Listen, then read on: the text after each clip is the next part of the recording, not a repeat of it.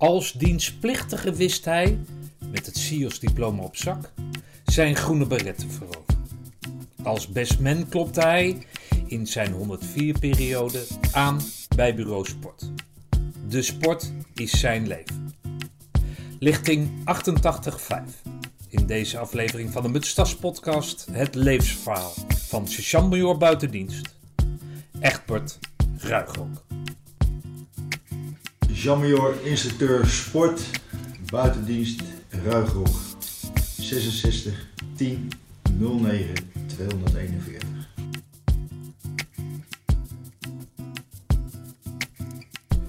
Egbert, uh, coronatijd. Ja, je wordt er natuurlijk doodziek van altijd. Je wordt helemaal mee doodgegooid op het nieuws. Hoe uh, treft jou dat? Ja, dat is, heeft best wel uh, impact gehad. Um, begin 2000 agendaatje vol en uh, een maandje later helemaal leeg. Dus, uh... Agenda, want we, we, springen er natuurlijk zo in. Maar wat, uh, wat, wat doe jij? Ik zit in de outdoor evenementen. waarbij ik voornamelijk toen de tijd richtte op, op scholen, bedrijfsuitjes, nou, dat, soort, dat soort groepen zeg maar. En dan bezighouden in de buitenlucht, met name op strand. Waarbij ik uh, nou, allerlei dingen organiseerde, van volleybaltoernooien tot en met uh, surfen tot uh, kano varen. Eigenlijk allerlei dat soort activiteitjes. Een beetje fun on the beach, zeg maar. Oké. Okay. Dus ehm, je agenda staat vol, corona slaat toe en dan is het denk ik klaar. Ja. Wat, wat, wat gebeurt er dan met je, met, met, met nou, wat gebeurt er dan met je? Nou, ik moest eerlijk zeggen dat ik eventjes een, uh, een, een doodsmomentje had, zeg maar. Want het heeft een, een week of twee geduurd. Want ik dacht van, oké, en nu? Um, ja, ik denk, ik kan wel andere dingen doen, maar eigenlijk alles wat ik zou, anders zou kunnen doen, zeg maar, dat valt een beetje in de range wat uitviel. Dus wat niet mocht. Dus Evenementen alles, ja, nou ja, goed, alles wat met groepen te maken heeft, met samen zijn, eh, met dingen doen met elkaar. Uh, ja, dat, dat viel weg. En uh, ja, dan heb je eigenlijk ook geen alternatief. Hm. Dus ja, dan is het wel even van oké, okay, pas op de plaats. En uh, dan moet je even schakelen, maar dat even schakelen had bij mij wel even tijd nodig. Oké. Gezegd, ja. Hey, en uh, hoe gaat dat thuis dan? Uh, want je, je, ziet dan als uh, ondernemersgezin zie je dat dan in elkaar flikkeren. Je weet dat de rest van Nederland daar ook, dat, dat, dat, dat, daar ook last van heeft. Ja. Maar hoe zit dat dan qua team thuis? Hoe, hoe gaat dat? Nou ja, kijk, kijk, thuis heeft dat ook wel impact. Want je, je, er valt toch een heel groot gedeelte van inkomsten valt weg. Waar je niet direct een, een backup voor hebt. En hij heeft uh, mijn vrouw wel uh, natuurlijk een, een, een, baan. En daar, komt aan die kant dan wat geld binnen. Maar ja, goed, die gaat niet de huur van het kantoor betalen en al dat soort kosten erbij nemen, zeg maar. dat kan je daar niet mee aanvullen. En nou ja, goed, ik heb in het verleden wat dingetjes meegemaakt waardoor ik niet echt een grote buffer had om, om daar even voorlopig op te teren, zeg maar. Dus ja, dan, uh, dan heeft dat wel even impact van oké, okay, hoe gaan we dat doen? En uh, hoe gaat dat over een paar maanden? Hoe gaat het met je hypotheek en uh, al je andere kosten? Dus ja, dat, dat, dat heeft best, best wel wat impact. Ook, ook onderling is dat natuurlijk best wel af en toe even lastig. Ja. ja. Nou, ben je natuurlijk ondernemer, daar heb je voor gekozen. Maar, ja. maar merk jij dat mensen die gewoon een niks nadeel van die mensen, maar dat die gewoon elke maand hun geld gestort krijgen omdat ze in loondienst zijn, die situatie goed kunnen inschatten. Daar hebben we het nog niet eens over begrijpen, maar inschatten. Nou, ik had wel het idee van dat dat voor een hoop mensen eh, eigenlijk de enige impact had dat, dat ze thuis werkten. Dat dat even omschakelen was. Uh, maar in feite dat het leven wel redelijk doorging. Uh, en in ieder geval, in ieder geval niet uh, zeg maar in, je, in, je, in je bestaan uh, direct wordt geconfronteerd met die, met die situatie. Behalve dat op een gegeven moment de kinderen thuis moeten, dat je daar even wat dingen voor moet regelen. Maar het heeft geen invloed, zeg maar, wat er bij jou binnenkomt en wat je aan de kostenkant weer zeg maar kwijtraakt. En dat heeft bij een heleboel ondernemers natuurlijk wel het geval geweest. Nou is natuurlijk wel steunmaatregelen geweest. En, uh, maar goed, daar ben ik op een gegeven moment ook afgestapt. Want uh, dan heb je een keer een maand wel wat, uh, behoorlijk wat te doen. En dan moet je dat weer terug gaan betalen. En nou goed, daar had ik geen zin in. Nee, oké. Dus, nee, maar het gaat mij meer om... Voel je begrip bij andere mensen? Voel je dat ze dat snappen? Of, of heb je het gevoel zo van... Ja, dan, dan hoort men op de radio of tv... Weet ik veel, het komt tot je dat er allerlei steunmaatregelen zijn. Wordt er dan zo gedaan van, joh, we lopen nou te jullie worden toch gesteund? je hoort natuurlijk steeds meer van die verhalen van, nou, die steun dat valt allemaal reuze mee, want zoveel geld is het allemaal niet. En je moet er allerlei dingen voor aantonen om die steun ook daadwerkelijk uh, uh, te krijgen. Ja. ja, ik heb wel het idee dat een heleboel uh, niet echt begrijpen wat het voor een ondernemer doet.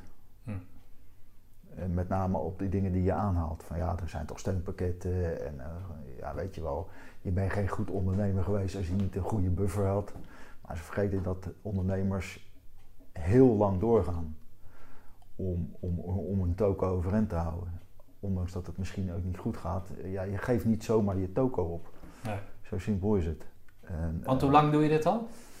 Ja, ik doe dit nu fulltime vanaf uh, 2007. Oh, ja. Oh, dat is best een tijd. Ja. En wat, wat, wat, wat heeft jou zo gebracht om dat, uh, om dat te gaan doen dan? Ja, dat heeft eigenlijk te maken met, met, met de defensieachtergrond. Uh, op een gegeven moment ben ik uh, defensie moeten verlaten in 1993. ja, dan moet je wat, wat anders gaan doen. En, ja, mijn neef die zat, heeft ook bij het KST gezeten. Die had een, een uh, John de Kievit is dat.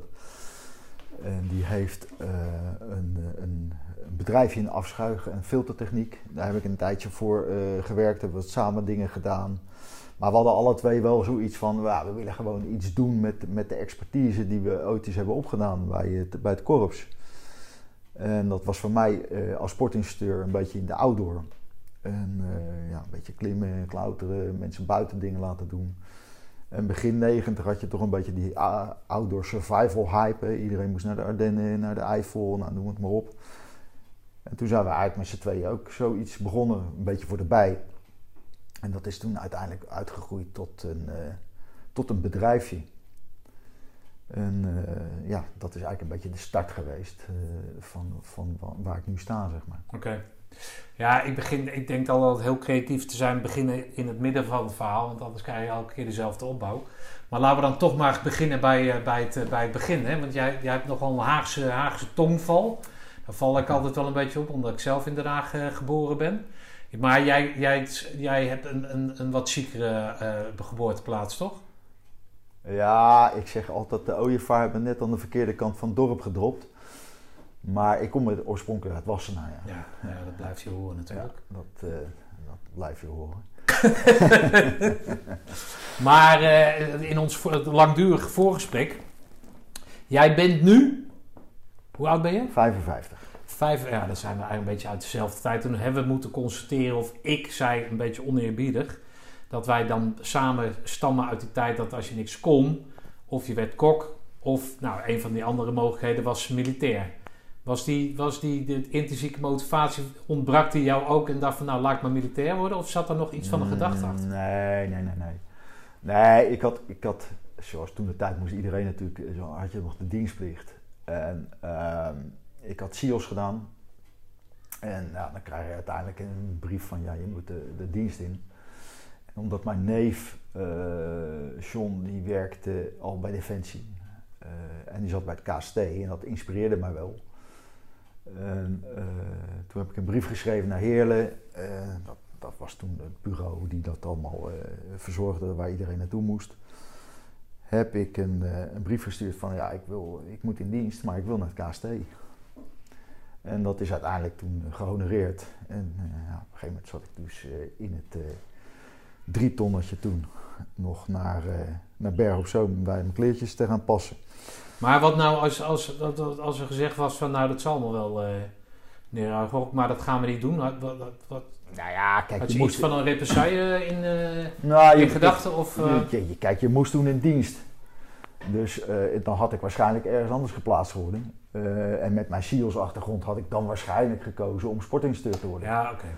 Dus eh, ik denk dat dat dan de weg had geweest om, eh, om, eh, in, als sportinstructeur bij Defensie te belanden. Omdat het wel iets wat, ja, je wilt toch wat doen met, met, de, met de achtergrond die je hebt. Dus, en dat was sport was mijn passie. Dus als ik niet bij het KST had gekomen, had ik zeker geprobeerd om bij de sport terecht te komen. Dus, eh, Maar jij ging, uiteindelijk ging je dus als dienstplichtige erin. Ja. Ja. was niet de bedoeling om dat meteen tot een, tot Nee. een vast dienstverband of iets in die geest te... Nee, ik, ik ben als dienstplichtige erin gegaan. Nou ja, goed, net als eh, vele anderen daar een beetje, ja... Ik had wel wat meer achtergrondinformatie via mijn neef, maar alsnog weet je niet wat je te wachten staat natuurlijk. Ja. En eh, ja, je gaat als dienstplichtige daar naartoe en je gaat dat een beetje doorlopen, zeg maar. Heb pas later is gekomen toen ik eh, beret had gehaald en ik zat in de 104 ja, dan ga je toch kijken van wat zijn er mogelijkheden bij de sport. Omdat dat vond ik sowieso al een mooi clubje natuurlijk. Die heb je meegemaakt als, eh, als, als, als cursist, zeg maar. Die- Nou ja, maak je die sportinstructeurs mee. Ja. En omdat je Ja, zo... daar gaat jouw interesse natuurlijk daar gaat mijn in. interesse Ja. naar uit. Dus eh, Want SEALs denken heel veel mensen dat je dan, hè, of dat dacht mijn zoon bijvoorbeeld, trouwens dat had hij van mij, dat je dan heel veel aan het sporten bent. Maar je wordt natuurlijk gevormd, wat ik begrepen heb, om te doseren. Om andere mensen aan, aan het sporten te krijgen. Toch? Dat, dat is de basis van het SEALs, toch? Ja, ja, kijk, toen de tijd had je, was SIOS best nog wel, nou ik zal niet zeggen, hoe- ik weet niet of het goede woord is, elitair in zoverre. Je had een paar SIOS, vier in Nederland. En eh, dat stond echt als een sportopleiding Ja. aangeschreven. Eh, maar daar moest je ook wel wat voor doen. Eh, als je je aanmeldt, toen ik me aanmeldde voor het SIOS, dan waren er 800 inschrijvingen en er werden er maar 80 aangenomen. Oké. Dus je moest intesten doen, twee dagen. Je moest een test lesgeven doen. En dan zat er ook nog een loting aan vast. Dus dat was best wel een dingetje om daar te komen. 80 per vestiging. Ja, per vestiging. Ja, oké. Ja. Overveen was er toch, hè? Overveen, ja. Ja. Welke, waar heb jij gezeten? Overveen. Oh, oké. Ja. Ja, fa- fantastisch mooie locatie. Eh, maar dan gaan we weer een beetje uitweiden. Ja, dat moet je niet doen. Dat heb ik wel Nee. begrepen, want eh, ik kwam hier zeg maar 10 minuten voor gesprek en eh, het begint alweer bijna... Het is al donker bijna te weer, worden. het is al bijna weer donker, ja. Nee, maar goed, een mo- mooie school, dus ja, SIOS gedaan. En daar word je, eh, ja, je bent daar wel de hele dag aan het sporten, maar uiteindelijk gaat het erom dat je die sporten ook kan doseren natuurlijk, eh, lesgeven. En eh, ja, dat vond ik, ik vond sporten leuk, maar ik vond het ook leuk om mensen dingen aan te leren. Dus als je dan uiteindelijk zeker bij het KCT kan komen op een sportbureau, ja, dat was voor mij, ja, dat was iets. Weet je dan ben je wel... Maar dat kan dus ook als dienstplichtige kon je dus met die achtergrond kon je sportinstructeur worden. Nou, dat weet ik eigenlijk niet. Wat ik gedaan heb, ik zat in de 104 en ik liep eh, gewoon sportbureaus binnen. En ik dus vragen weer, hoe werkt dat nou, sportinstructeur? Ik heb SIOS gedaan, zo en zo. En toen zat de... Maar daar werkte, het werkte toen alleen maar empathische mensen. Dus je, je werd gewoon aan het tafeltje goh, vertel eens wat over jezelf. Wat zijn je hobby's? Of wat, wat, wat, op wat voor manier werd dat, werd dat nou, er ontvangen? zat hè? toen eh, luitenant, was het toen eh, Pim Cornelissen. Was Ja. toen hoofdsportbureau. Ja, ook een vrij eh, jonge kerel. En eh, nou ja, die vond dat denk ik wel leuk. Dus hij zegt, ja, luister, er zijn ook wel vacatures. Ja, Als jij geïnteresseerd bent om een sportinstructeur te dan ga ik proberen om dat te, te regelen. En zijn tweede rechterhand was, volgens mij was die toen Jean-Major Piet Paul. Die, ja, die vond dat ook wel wat om te zeggen, maar ja, we, we moeten toch mensen binnen hebben. En als jij zegt van, nou, ik heb er geïnteresseerd en je hebt je beret al, want dat scheelt Ja, natuurlijk. dat scheelt natuurlijk helft. Eh, dus je weet hoe, eh, hoe, hoe, de, hoe de hazen eh, lopen en hoe het, hoe het werkt. Dan, dan ga je goed, dat proberen. Even voor de duidelijkheid. Voor, zonder SEALs had je die stap nooit durven nemen natuurlijk. Of Nee, kunnen nemen. nee. Het was niet goh, ik, ik kan zo leuk basketballen en, eh Nee. en gimmen doen. Nee, met die tijd daarvoor had je wel mensen die eh, vanaf de, eh, zeg maar van, van een beroeps, vanuit de infanterie of iets dergelijks, konden instromen als een soort zij-instromer naar de sport. Ja, oké. Maar de periode dat ik er zat, was het eigenlijk al gewoon dat gewoon mensen met een sportachtergrond, een sportacademie of, of, of SIOS, uh, sport instuurden bij Defensie. En uh, nou ja, goed. zo ben ik dus eigenlijk gaan vragen van oké. en dat werd goedgekeurd door, door de 104 dan? Want dan viel er iemand weg uit zo'n ploeg of zo. Ja, ja, dat was dus wel even het overleg was moest ja. plaatsvinden. en dat heeft toen Pim Cornelis natuurlijk wie was dat toen, commandant 104, volgens mij met Jor Cox, uh, hebben ze dat uh, besproken. En ja, dat komt toen wel. Ja, wij hadden ook wel, uh, het was wel redelijk bezet en dat was dienstplichtig, weet je wel. Je zat niet echt vast aan vaste ploegen nog, weet je wat. Het, kijk, tegenwoordig heb je natuurlijk vast, is het wat moeilijker om iemand uit een, een operationele ploeg te trekken natuurlijk, om, om zomaar even een zijstapje te maken. Ja. Toen ging dat wel wat makkelijker. Dus ik denk dat dat ook daardoor niet zo.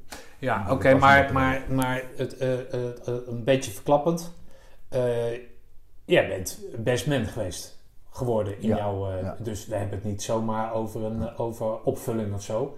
Je bent een wel gewaardeerde kracht geweest, dus Ja, in, jou, in jouw ACO. althans, ik denk dat de instructeurs en mijn collega's dat toen vonden. Ja, nee, Dus, maar daar eh, ga ik toch vanuit. ja, je, doet, ja. je doet alsof ik eh, een geintje van maak. Nee, maar het is toch zo? Ja, Dus het is niet zomaar die, iemand die wegvalt. Nee. Nou ja, goed. eh, ja, of dat invloed of, of, of dat weet ik niet. Eh, ze hebben dat toen kunnen regelen. En eh, ja, het was wel zo dat eh, ik moest toen naar het Oklo toe. Dat was een sportopleiding van volgens mij vier, vier maanden. En de eerste maand ben ik niet geweest. En dat kwam omdat wij nog een oefening in Duitsland hadden. Oké. In, bij, bij achter Trier, Prum heet dat, dat geloof ik. En ik mocht wel naar de sportopleiding, maar ik moest wel eerst die oefening meedraaien.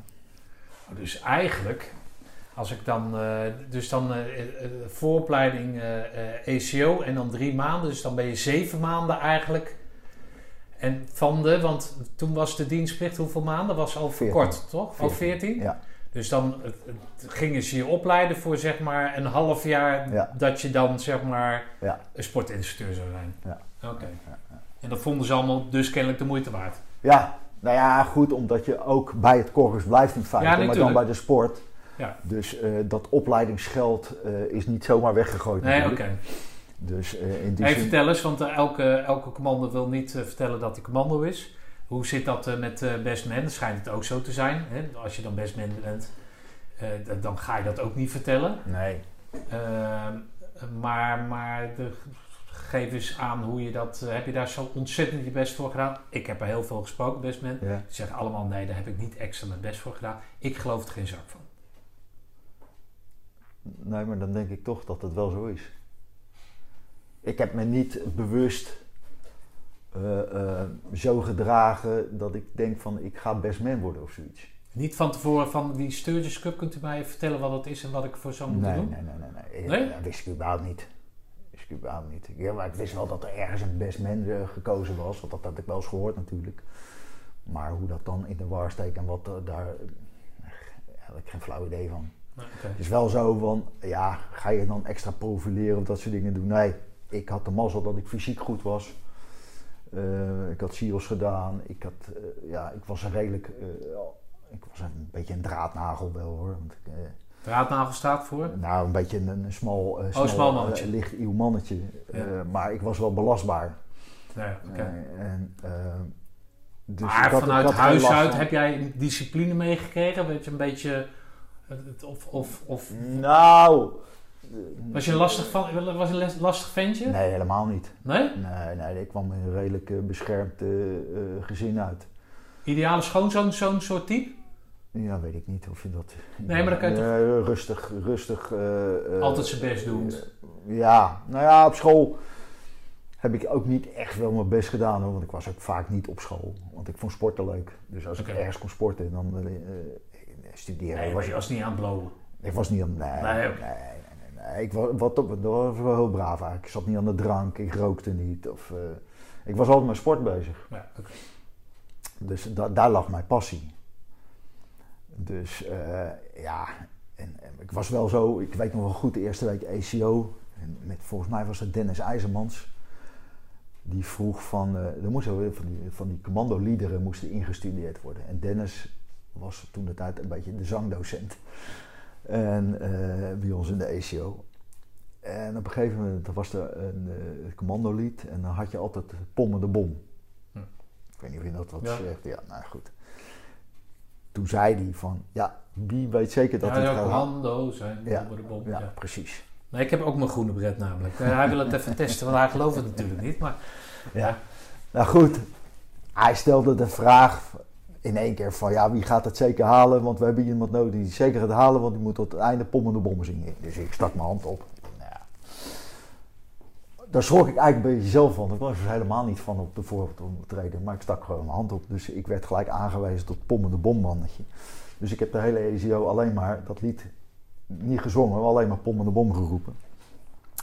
Dus dat was, wel, eh, dat was wel leuk. Maar dat was eigenlijk de eerste keer dat ik echt een beetje op de voorgrond eh, eh, treden voor mijn gevoel, waar ik zelf een beetje van schrok. Maar voor de rest, ja, ik was eigenlijk altijd bezig in dienst van, weet je wel. Als ik ergens kon helpen. Of Nee, maar zo'n zo'n ehm, zo'n SEALS is natuurlijk ehm, eh, ook op de voorgrond. Hè, je, moet, je moet voor een groep staan, je Ja. moet mensen eh, coachen, je moet mensen de weg wijzen. Ja. Dus daar heb je toch wel iets van een, een speelfunctie, toch? Ja, als, jij, dat als, jij het, als jij het niet neemt, dat initiatief, Ja, dan, dan komt er niks van. Ja, dan gaat klopt. iedereen eh, op, op de ja dat zitten, klopt toch? wel. Maar daar was ik me eigenlijk niet zoveel bewust. Ah. Op een of andere manier. Oké, Maar dat hele Dat, eh, ik leven daar- van militair, dat groeten, dat, dat marcheren, eh, dat, dat, dat, dat beviel je. Of dat, daar, Ja. daar kon je aan conformeren. Of, ja, ja. Heeft dat iets met die sport te maken? Iets van discipline? Of, of Ja, nou, het is denk- niet anders? Ja, dus nee, dat denk, dan ik doen we wel, dat maar. dat denk ik wel. Het werken in, in een groep, eh, eh, het, ik vond teamsporten leuk, eh, samen iets presteren, zeg maar. Maar ik had wel ook een hekel aan mensen die de kantjes eraf liepen. Oké. Dat dan weer wel, weet je wel, als ik een teamsport deed. En ik had het gevoel, ik, ik kon niet goed accepteren dat mensen er niet alles voor deden. Oké. Maar goed, wat, wat maakt dat dan? Hoe, hoe is jouw positie binnen die, binnen die club dan? Uitsloven? Ben je een uitslover? Nee, Word je dat zo gezien? Nou, dan heb je hem weer. nee, Nee? nee, Die, zelf, die wil graag bestman worden. nee. Nee, ik was niet van het uitsloten, maar ik was wel van het verantwoordelijkheid pakken op dat moment. Oké.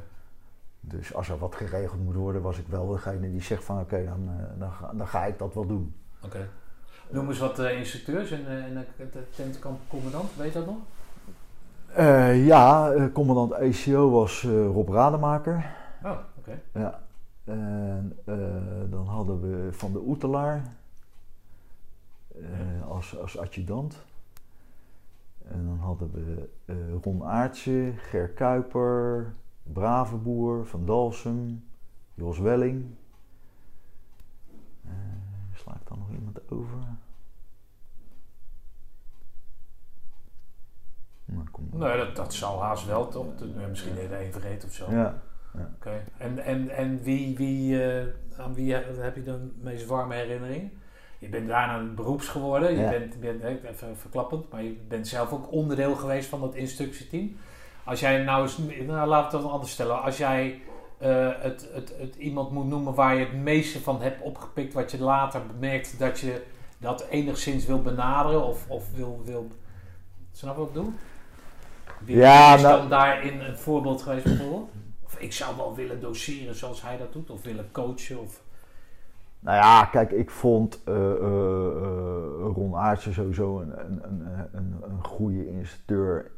Omdat hij ook beetje, ja, qua postuur had hij natuurlijk voorkomen, zijn stemgeluid, helder, duidelijk. Eh, maar bijvoorbeeld Rob Rademaker als commandant ECO, dat heb ik altijd namelijk onthouden. Die was, die was oprecht altijd met eerlijkheid bezig, voor mijn gevoel.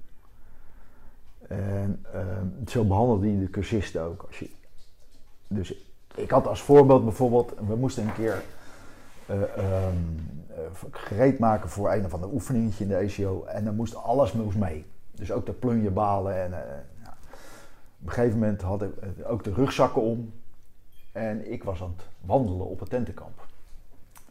En er was er een voor me, die deed dat ook. Maar op tentenkamp moest je hardlopen. Maar ik dacht, in mijn blauwe gedachte van, nou oké, eh, we hebben al die zooi om, hoef je, eh, hoef je niet meer hard te lopen natuurlijk. Maar die kerel die voor mij, die werd gesnapt dat hij niet hard, hard liep. En die zei van, ja, maar ik liep wel hard. En ik zei tegen Rob, die hield mij ook aan. Ik zei, ja, luister, sorry, ik, ik, liep, niet, ik liep niet hard, maar dacht eigenlijk zo en zo. Hij zei, nou, eerlijk antwoord. Prima, ga verder, maar let wel. En die andere, die moest allerlei kutklusjes doen. Om even aan te geven van, ja, kijk, als je, als je gewoon eerlijk bent over de daden die je doet... En, en, en, en, en daar niet omheen lult, dan word je... Daar werd je ook door hem door beloond, zeg maar. En- Maar werd dat van tevoren aangekondigd? Zo van jongens, zo werken we. En laat mij je nou niet betrappen op, weet ik wat. Of kwam dat uit jezelf? Die Nee, eerlijkheid? dat- Of heb je dat daar geleerd? Dat is mijn, mijn vraag een beetje. Nee, dat, dat, dat, eh, ik denk, ja, ik moet gewoon een eerlijk antwoord geven. Ik kan er wel omheen leggen en zeggen dat ik iets doe wat ik eigenlijk niet doe. Dat deed die ander dus wel, hoor. Die moest dus ja, oké. maar heb je dat, komt dat vanuit jezelf of heb je dat daar geleerd? Nee, dat, dat, dat komt wel uit mezelf. Ja. Maar ik, ik werd me daar wel bewust van dat het in zo'n groep wel zo werkt. Ja, ja, oké. Ja. Dus eh, kijk, bij het KZT heb je jongens nodig die niet eh, eh, A zeggen en B doen. Nou. Want dan functioneert dat, zo'n zo'n eenheid. Nou ja, wat ik mooi vind, we hebben natuurlijk gehad, eh, dat is dat, dat kan voor Koningsbrug natuurlijk, maar wat ik een hele sterke vind, en dat zit in die, die korpswaarde opgesloten, maar is ook dingen doen als niemand kijkt. Ja, precies. Je? Dat, dat vind ik een hele sterke. Dat is karakter. Eh, ja, Zo staat... Ja. Oh, dat zou best kunnen. Ja. Ja, ik ken het, Ja. het woord karakter ken ik niet eens. Nee, maar dat vind ik een hele sterke, weet je. Want dan, dat stemt je tot nadenken. Van, wat bedoelen ze nou? Oh ja, dus als erg, nou in, dit, in, in dat ding, als er geen camera's zijn. Nee, maar ook, het, het, het, ik heb, eh, hoe heet dat, eh, de eh, Bakhuis Rozenboom. Daar de kleinzoon van, of weet ik van, een neef heb ge- geïnterviewd. En die woonde op de Dam in Amsterdam. En die kijkt uit zijn raam. Die ziet dat een man ziet een fiets vallen. Ja, Snap je? Ja. Nou, als dat voor een programma zou zijn, zou je die fiets natuurlijk oppakken. Maar die man, die wordt door geen drone-camera, of weet ik veel, moeilijk gevolgd. Maar die pakt gewoon die fiets op. Weet je wel? Ja. Omdat hij vindt dat als een fiets valt, dan moet je dat, voor wie dat ook doet, maakt me geflikt uit. ja, ja. Nou, dat is dus als, als er niemand kijkt. Ja. Nou, dat, dat heb jij daar dus in bevestigd ge- gezien. ja. Hè? Dus als je gewoon eerlijk bent, dan... ja. En dat was dat hele kleine dingetje van... Dat ik toen bij mezelf dacht... En dat zal ik nooit vergeten... Oké, zo, zo werkt het dus hier. Zo zit dat in elkaar. En zo kan het ook alleen maar functioneren. Hm. Als je het op die manier gaat. Ja. En dat was voor mij wel een, een, iets van... Oké, dat, dat, dat, dat moet ik meenemen. En dat, ja, dat gebruik ik eigenlijk ook nog steeds. Oké.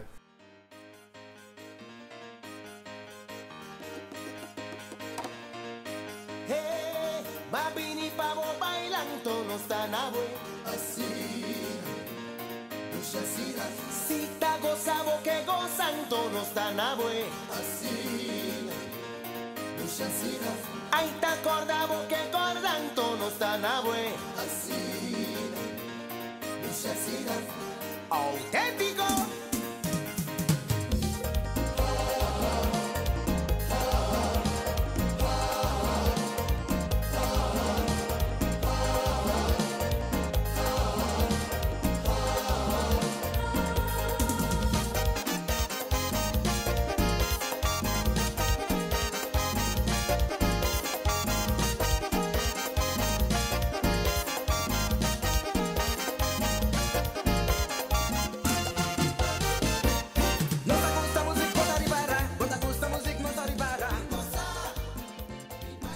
Kom jij, eh, op een gegeven moment kom jij dan eh, elk weekend thuis in die ACO. Ja.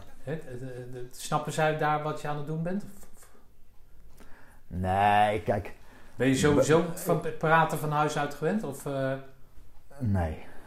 Niet? Nee, nee. nee, kijk, bij ons was het zo thuis van oké, ze vonden het eigenlijk nog niet eens leuk dat ik naar het KST ging.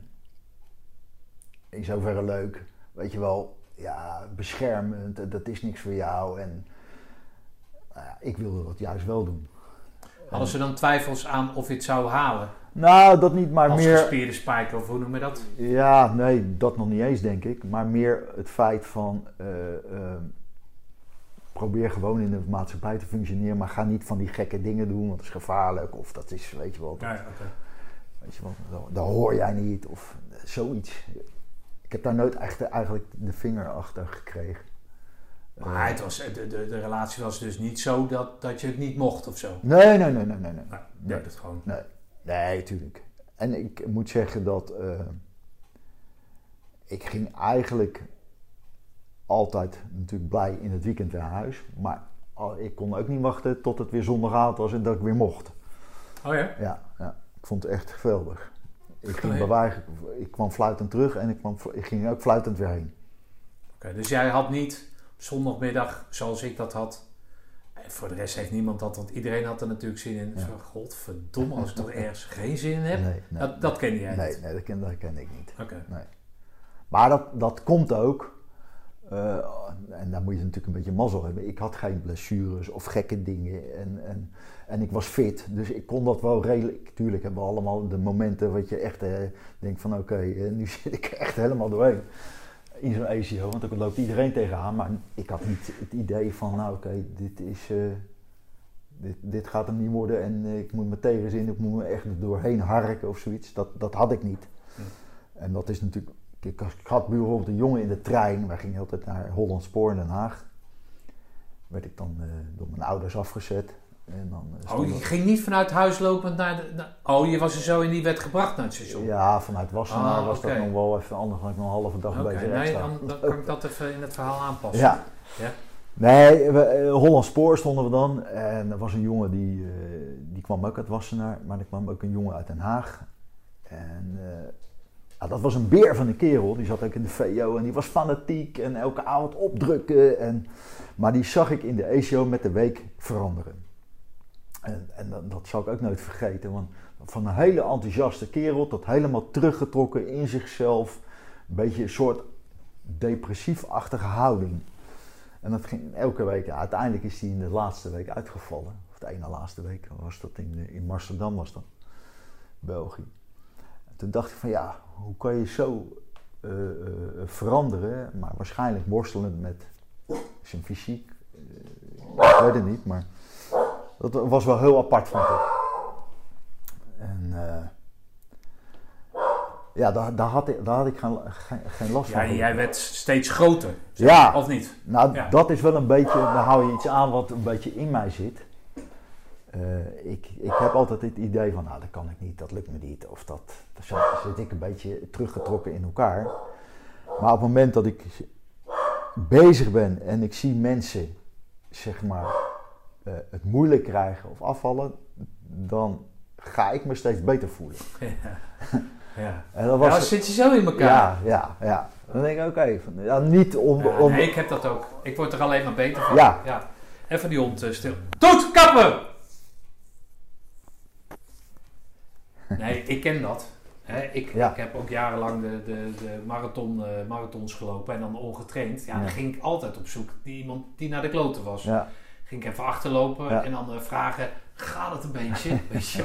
Ja, weet je, je moet die kant op. En dan denk ik, oh, dat, ik, dat, dat vond ik altijd fijn. Want Ja. daar, ja, dan trek je gewoon aan, iemand op natuurlijk. Ja. Ah, dat had misschien ook een beetje met. Ik, eh, misschien ook een beetje met zelfvertrouwen eh, te maken. Van ja, dat was bij mij niet altijd eh, even sterk over mezelf, mijn zelfvertrouwen. Dus ik had altijd zoiets van, nou, ik, moet, ik was een beetje kat uit de boom kijkerig ook, vaak wel. Ja, maar Eh, is dat niet bij heel veel mensen in, Ja. in een vreemde situatie? precies. Dan is het toch eigenlijk, ja, ik wil je geen veer Nee. maar dan is het dan toch mooi dat jouw zelfvertrouwen eh, eh, naarmate de tijd voor het eh, grote piek Nou ja, ja en, dat kwam in die ACO gelijk al een beetje naar voren in die eerste week. Ik werd toen aangewezen als tentcommandantje. Nou ja, dan ben je een week bezig en dan ga je naar huis toe. En dan de volgende week wa- was, was mijn hele tent was naar huis gestuurd. Dus ik was de enige. Dus ik schoof er een tentje op. een boogtent, weet je, vol met eh, gasten. Ja. En ik sta daar eh, voor de club. En de volgende week stond ik een, een tent verder, want mijn tent was weg. Die was weggestuurd.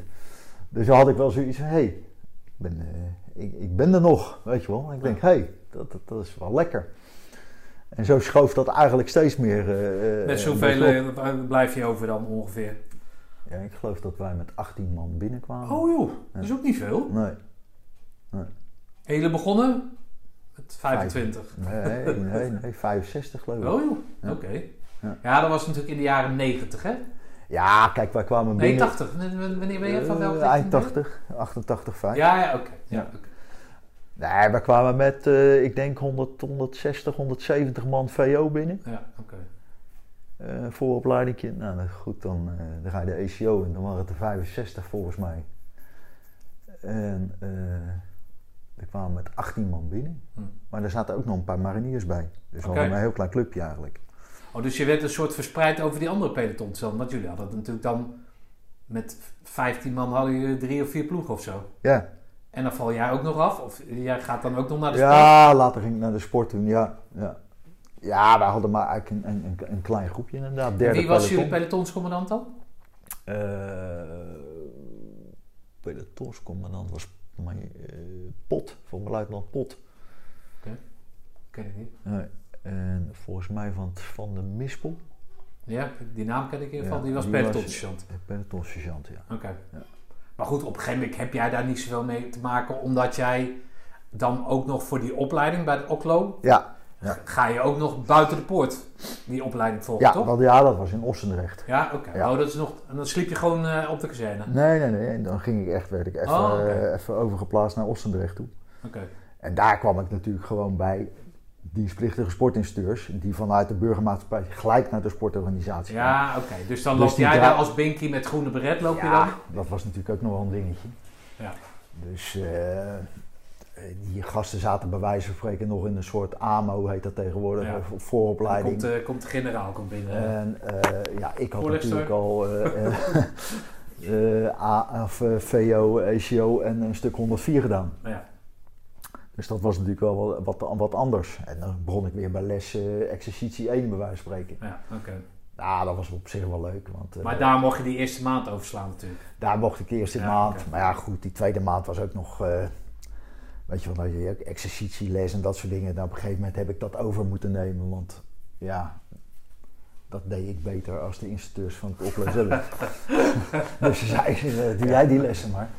Ja, Dus eh, Nee, maar dat geeft wel aan dat je dan steeds meer zeg maar, in dat instructievak komt. ja, Je Ja. hebt die achtergrond van, van het SEALS heb je al, Ja. maar je- het, het wordt je vrij snel in de schoot geworpen. Regel jij het maar. Dat is goed voor je ontwikkeling natuurlijk. ja. Nee, maar dat is dat, Ja, dat- toch? dat- ja, zeker is dat goed. Ja, waarom ik het zeg is, ehm, eh, eh, ik heb natuurlijk altijd training gehad van andere mensen, totdat ik, ja, een heel baas gevaar, maar ik ben een keer eh, opgegaan voor instructeur met Nordic Walking. Ja, ja, waarom weet ik ook niet. Ja, ik kan het uitleggen, maar dan wordt die podcast veel te lang. Maar dan moest ik in één keer les gaan geven, ja, weet je wel. En dan word je in één keer geconfronteerd met, fuck, Ja. dat is best moeilijk. Weet je wel, Ja. het is heel makkelijk, nou ja, die beste kapitein zo aan, hè, je kent dat eh, spreekwoord natuurlijk. Maar dan moet je in één keer van, hoe kan ik dan, en een heel klein groepje mensen, team, hoe kan ik nou zo gevarieerd mogelijk, dat ik iedereen erbij hou, snap je? Maar waar ik dan vooral moeite mee heb, had, nou nog steeds, is gewoon duidelijk zijn. Weet je wel, ik wil vereis dit en dan gaat het gewoon even naar de overkant lopen. Maar dat kan je, kan je best wel verneuken, hoef ik jou niet te vertellen. ja, Als het heel onduidelijk is, gaat één links, de ander rechts. Ja, nee, ja, heel duidelijk en puntig. En dat je binnen de kortste keren, snap je? Nou, dat is een talent, vind ik.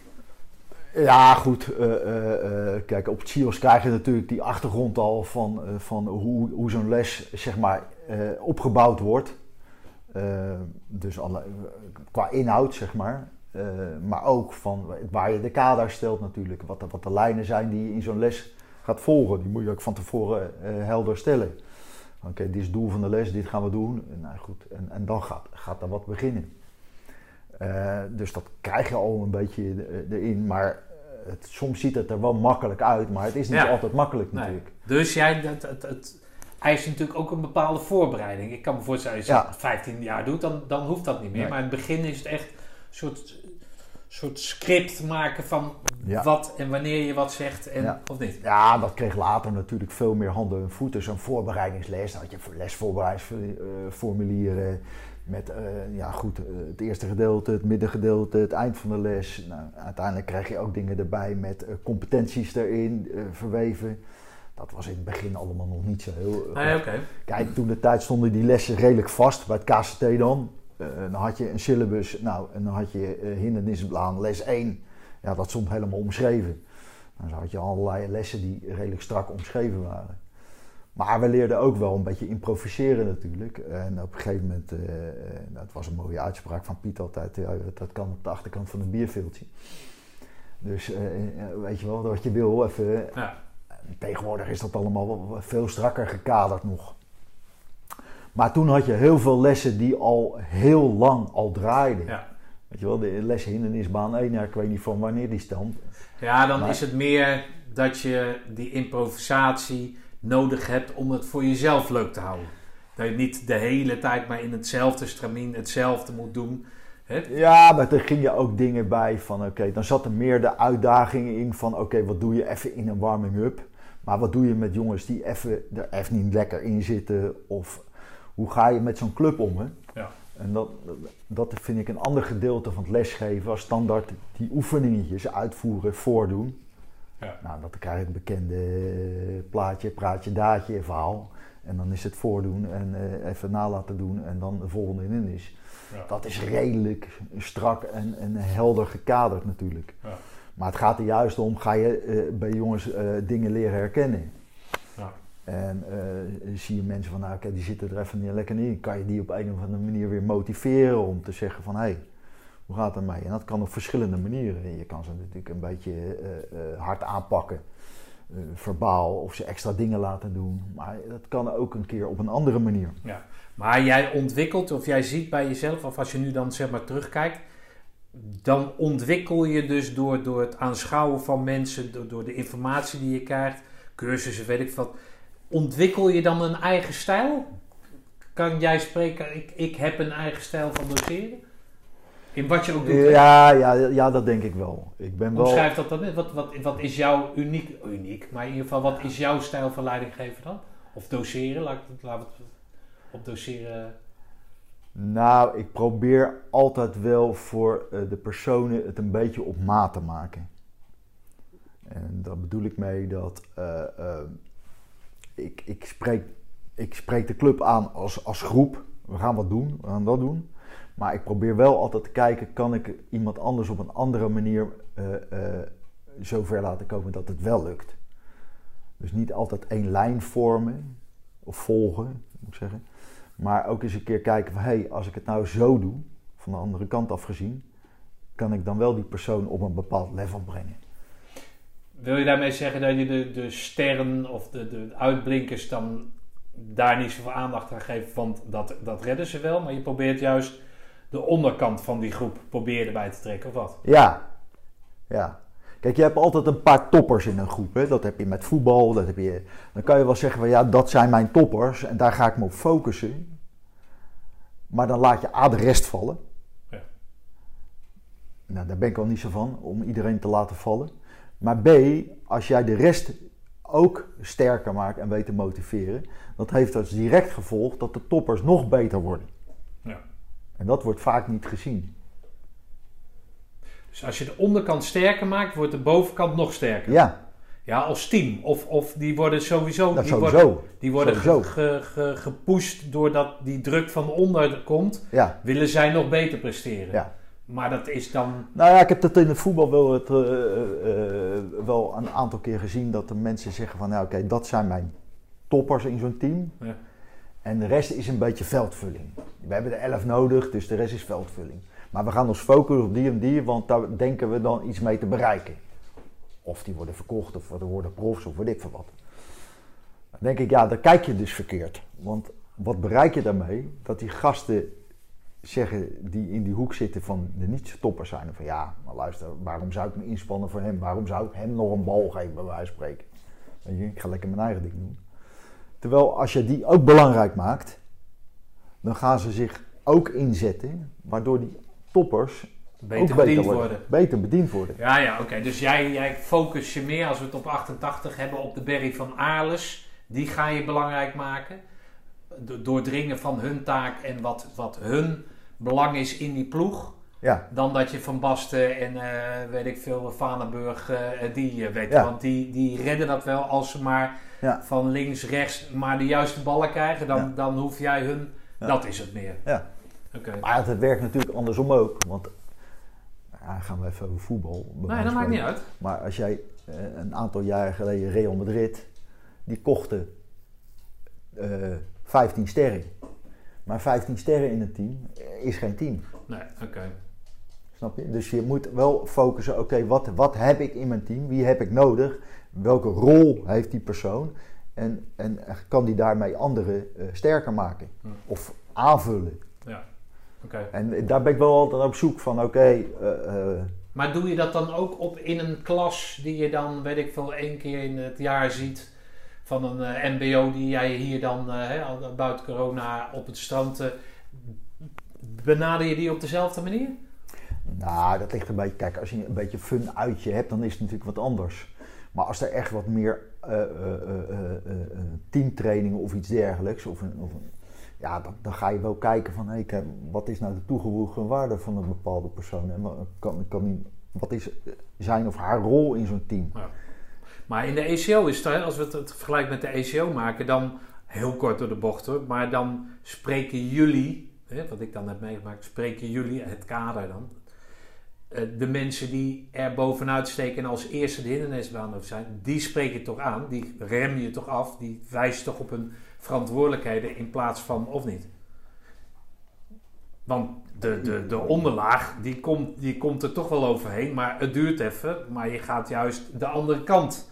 De toppers ga je, toppers, to- toppers de zaak. Nou ja, kijk, die ga je. Waarom help jij die gozer niet? Wat, Die- wat doe jij hier als Ja, eerste? precies. Die ga je dus wijzen op de verantwoordelijkheid die ze ook hebben naar die mensen toe. Ja, die ze dus op dat moment niet pakken. Ja, Dus ga je ze leren van ja, dan ben jij wel in je eentje Ja. over. Maar en, en de rest dan? ja, ja.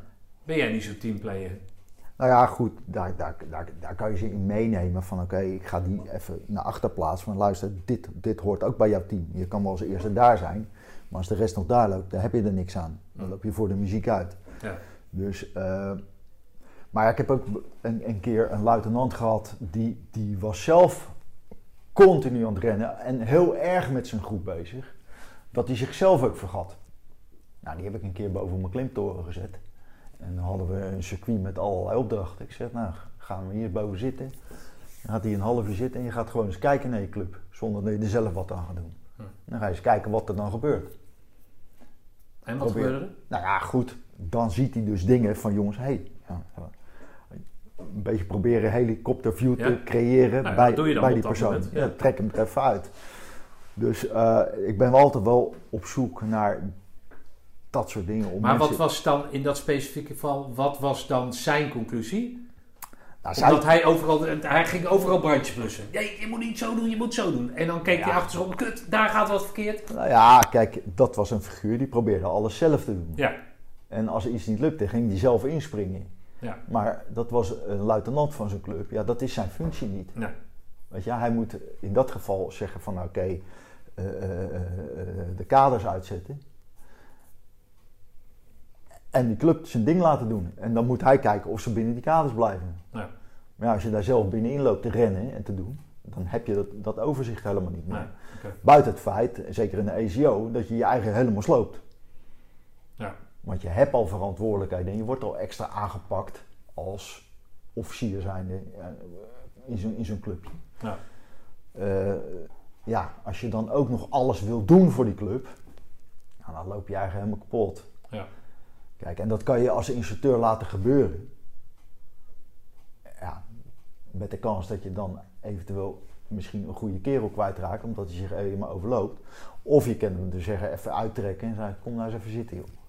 Want dat hoeft allemaal niet altijd op een harde manier. Hè. Je kan ook eens zeggen, ik had vaak eh, van die, van die, van die eh, snoepjes bij me, van die eh, pectootjes, die, die hoestsnoepjes. Die had ik altijd in mijn zak zitten. En duwde ik af en toe iemand een in zijn, in zijn mond.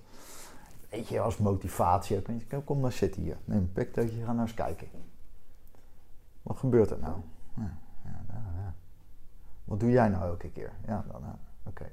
Je gaat hier nou een half uur zitten en je gaat gewoon eens kijken naar die club. In voor- de ACO heb je het nu over? Ja, in de ACO. Oké, ja. Nou ja, goed. eh, Om aan te geven, je kan altijd weer iedereen afproberen te knijpen en allemaal te drillen, maar dat werkt niet.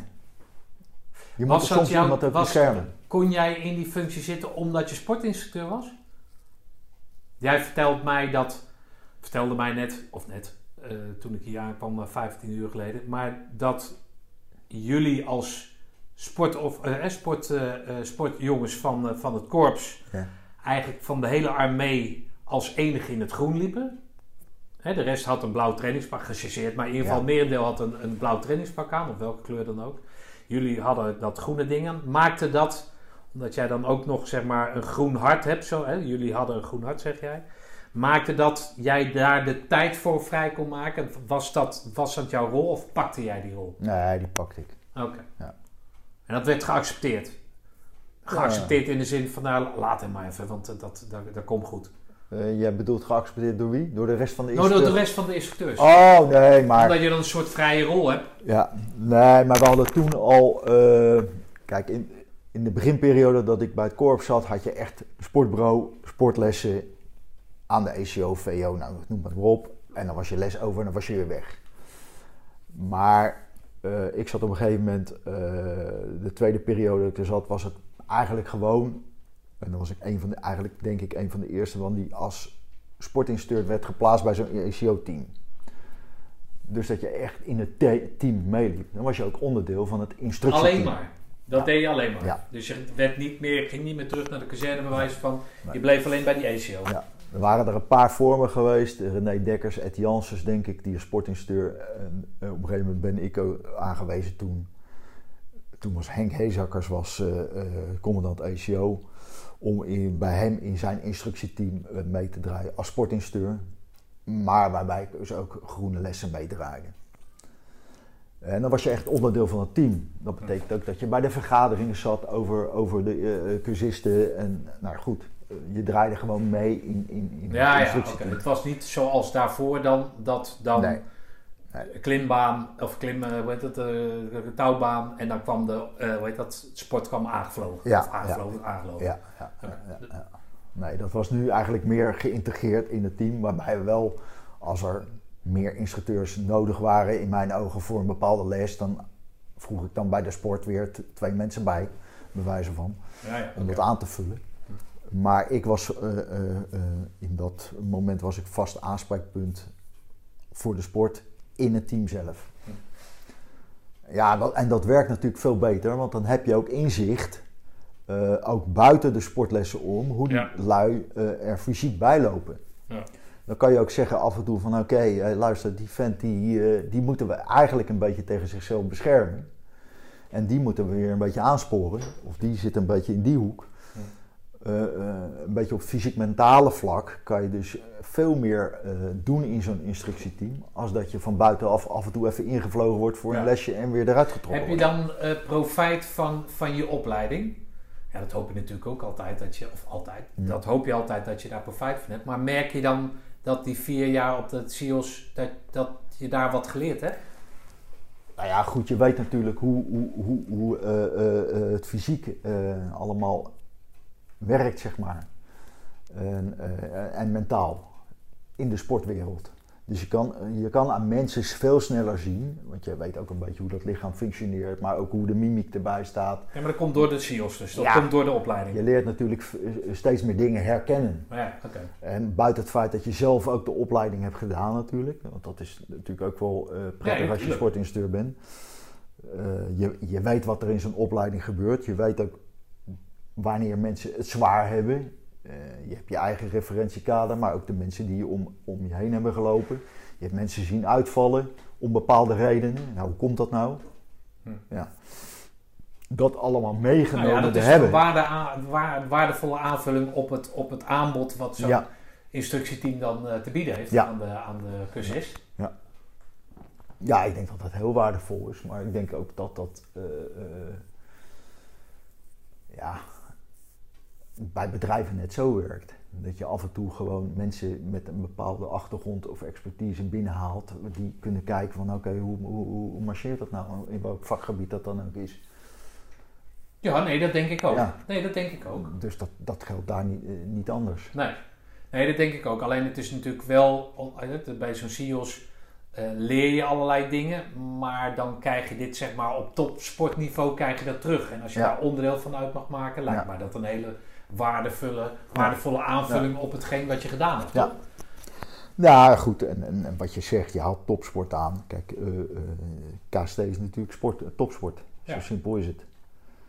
En dat is eigenlijk eh, eh, eh, behoorlijk hoog niveau topsport. Als ik dat vergelijk met topsport waar ik wel eens meer rondgekeken heb. dan denk ik van ja, ik denk dat ze in de topsport nog wel veel kunnen leren van het KST.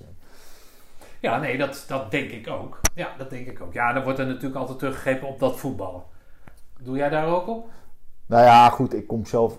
Ik heb een achtergrond in, in, in de voetbalwereld. Tenminste, ik heb zelf altijd gevoetbald. En mijn zoon die, eh, die speelt nu eh, betaald voetbal. Die, die, loopt al van zijn achtste in het betaalde voetbalwereldje rond. Ja, Ook keeper, hè? Of jij bent Ja. ook keeper, Ja. hij is keeper. Ja. Waar, waar, waar keept hij? Hij zit nu bij Utrecht. Oké. Ja. En dat is niet toevallig die gozer die dan gisteren gedeputeerd heeft. eh, Nee, nee, nee, want het- nee. hij heeft een hele andere achternaam. eh. Ja, ja, Oké. Waarom bij Utrecht? Nou ja, hij heeft een aantal jaren bij Ajax rondgelopen. Vanaf zijn achtste.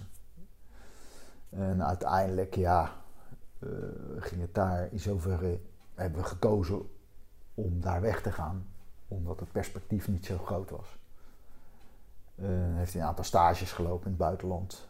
En uiteindelijk is hij bij Utrecht beland. Hm. En daar loopt hij nu eh, drie jaar rond. Oké. Eh, En hoe oud is die? hij is nu twintig. Oké. Oké, maar dat is dan, ik ben, ben, even de naam kwijt van die de keizer of zo, die gozer die gisteren Ja. gedebuteerd heeft. Ja, Daar zit hij dan vlak tegenaan dan. Nou, hij qua zit, hij en qua, qua ja, hij zit bij Jong Utrecht, ja. Ja, oké. Nou, is wel grappig, toch? Ja, eh, het is... Het is, is grappig rap- dat, dat hij dat Ja. hij in één keer eh, eerste keeper wordt. Ja. Ging hij er gisteren natuurlijk kennelijk ook niet, eh, niet helemaal vrij uit. Al vond ik het wel meevallen, maar ze deden het allemaal alsof, het, alsof hij er wat aan kon doen aan die twee ballen van Bobby. Nee.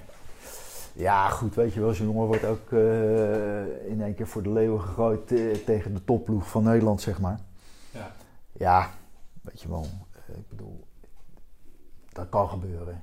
En, Ja. en, en eh, hij laat geen bal door zijn been gaan, bij wijze van spreken. Ja. Kijk, en er zijn altijd dingen die te verbeteren zijn, maar ik denk dat hij geen slechte wedstrijd heeft neergezet Nee, voor zijn eerste keer. En eh, het is zeker niet zo dat die 4-0 eh, verlies eh, aan hem eh, heeft gelegen. Nee. Dus eh, Nee, zeker niet. We gaan even piezen.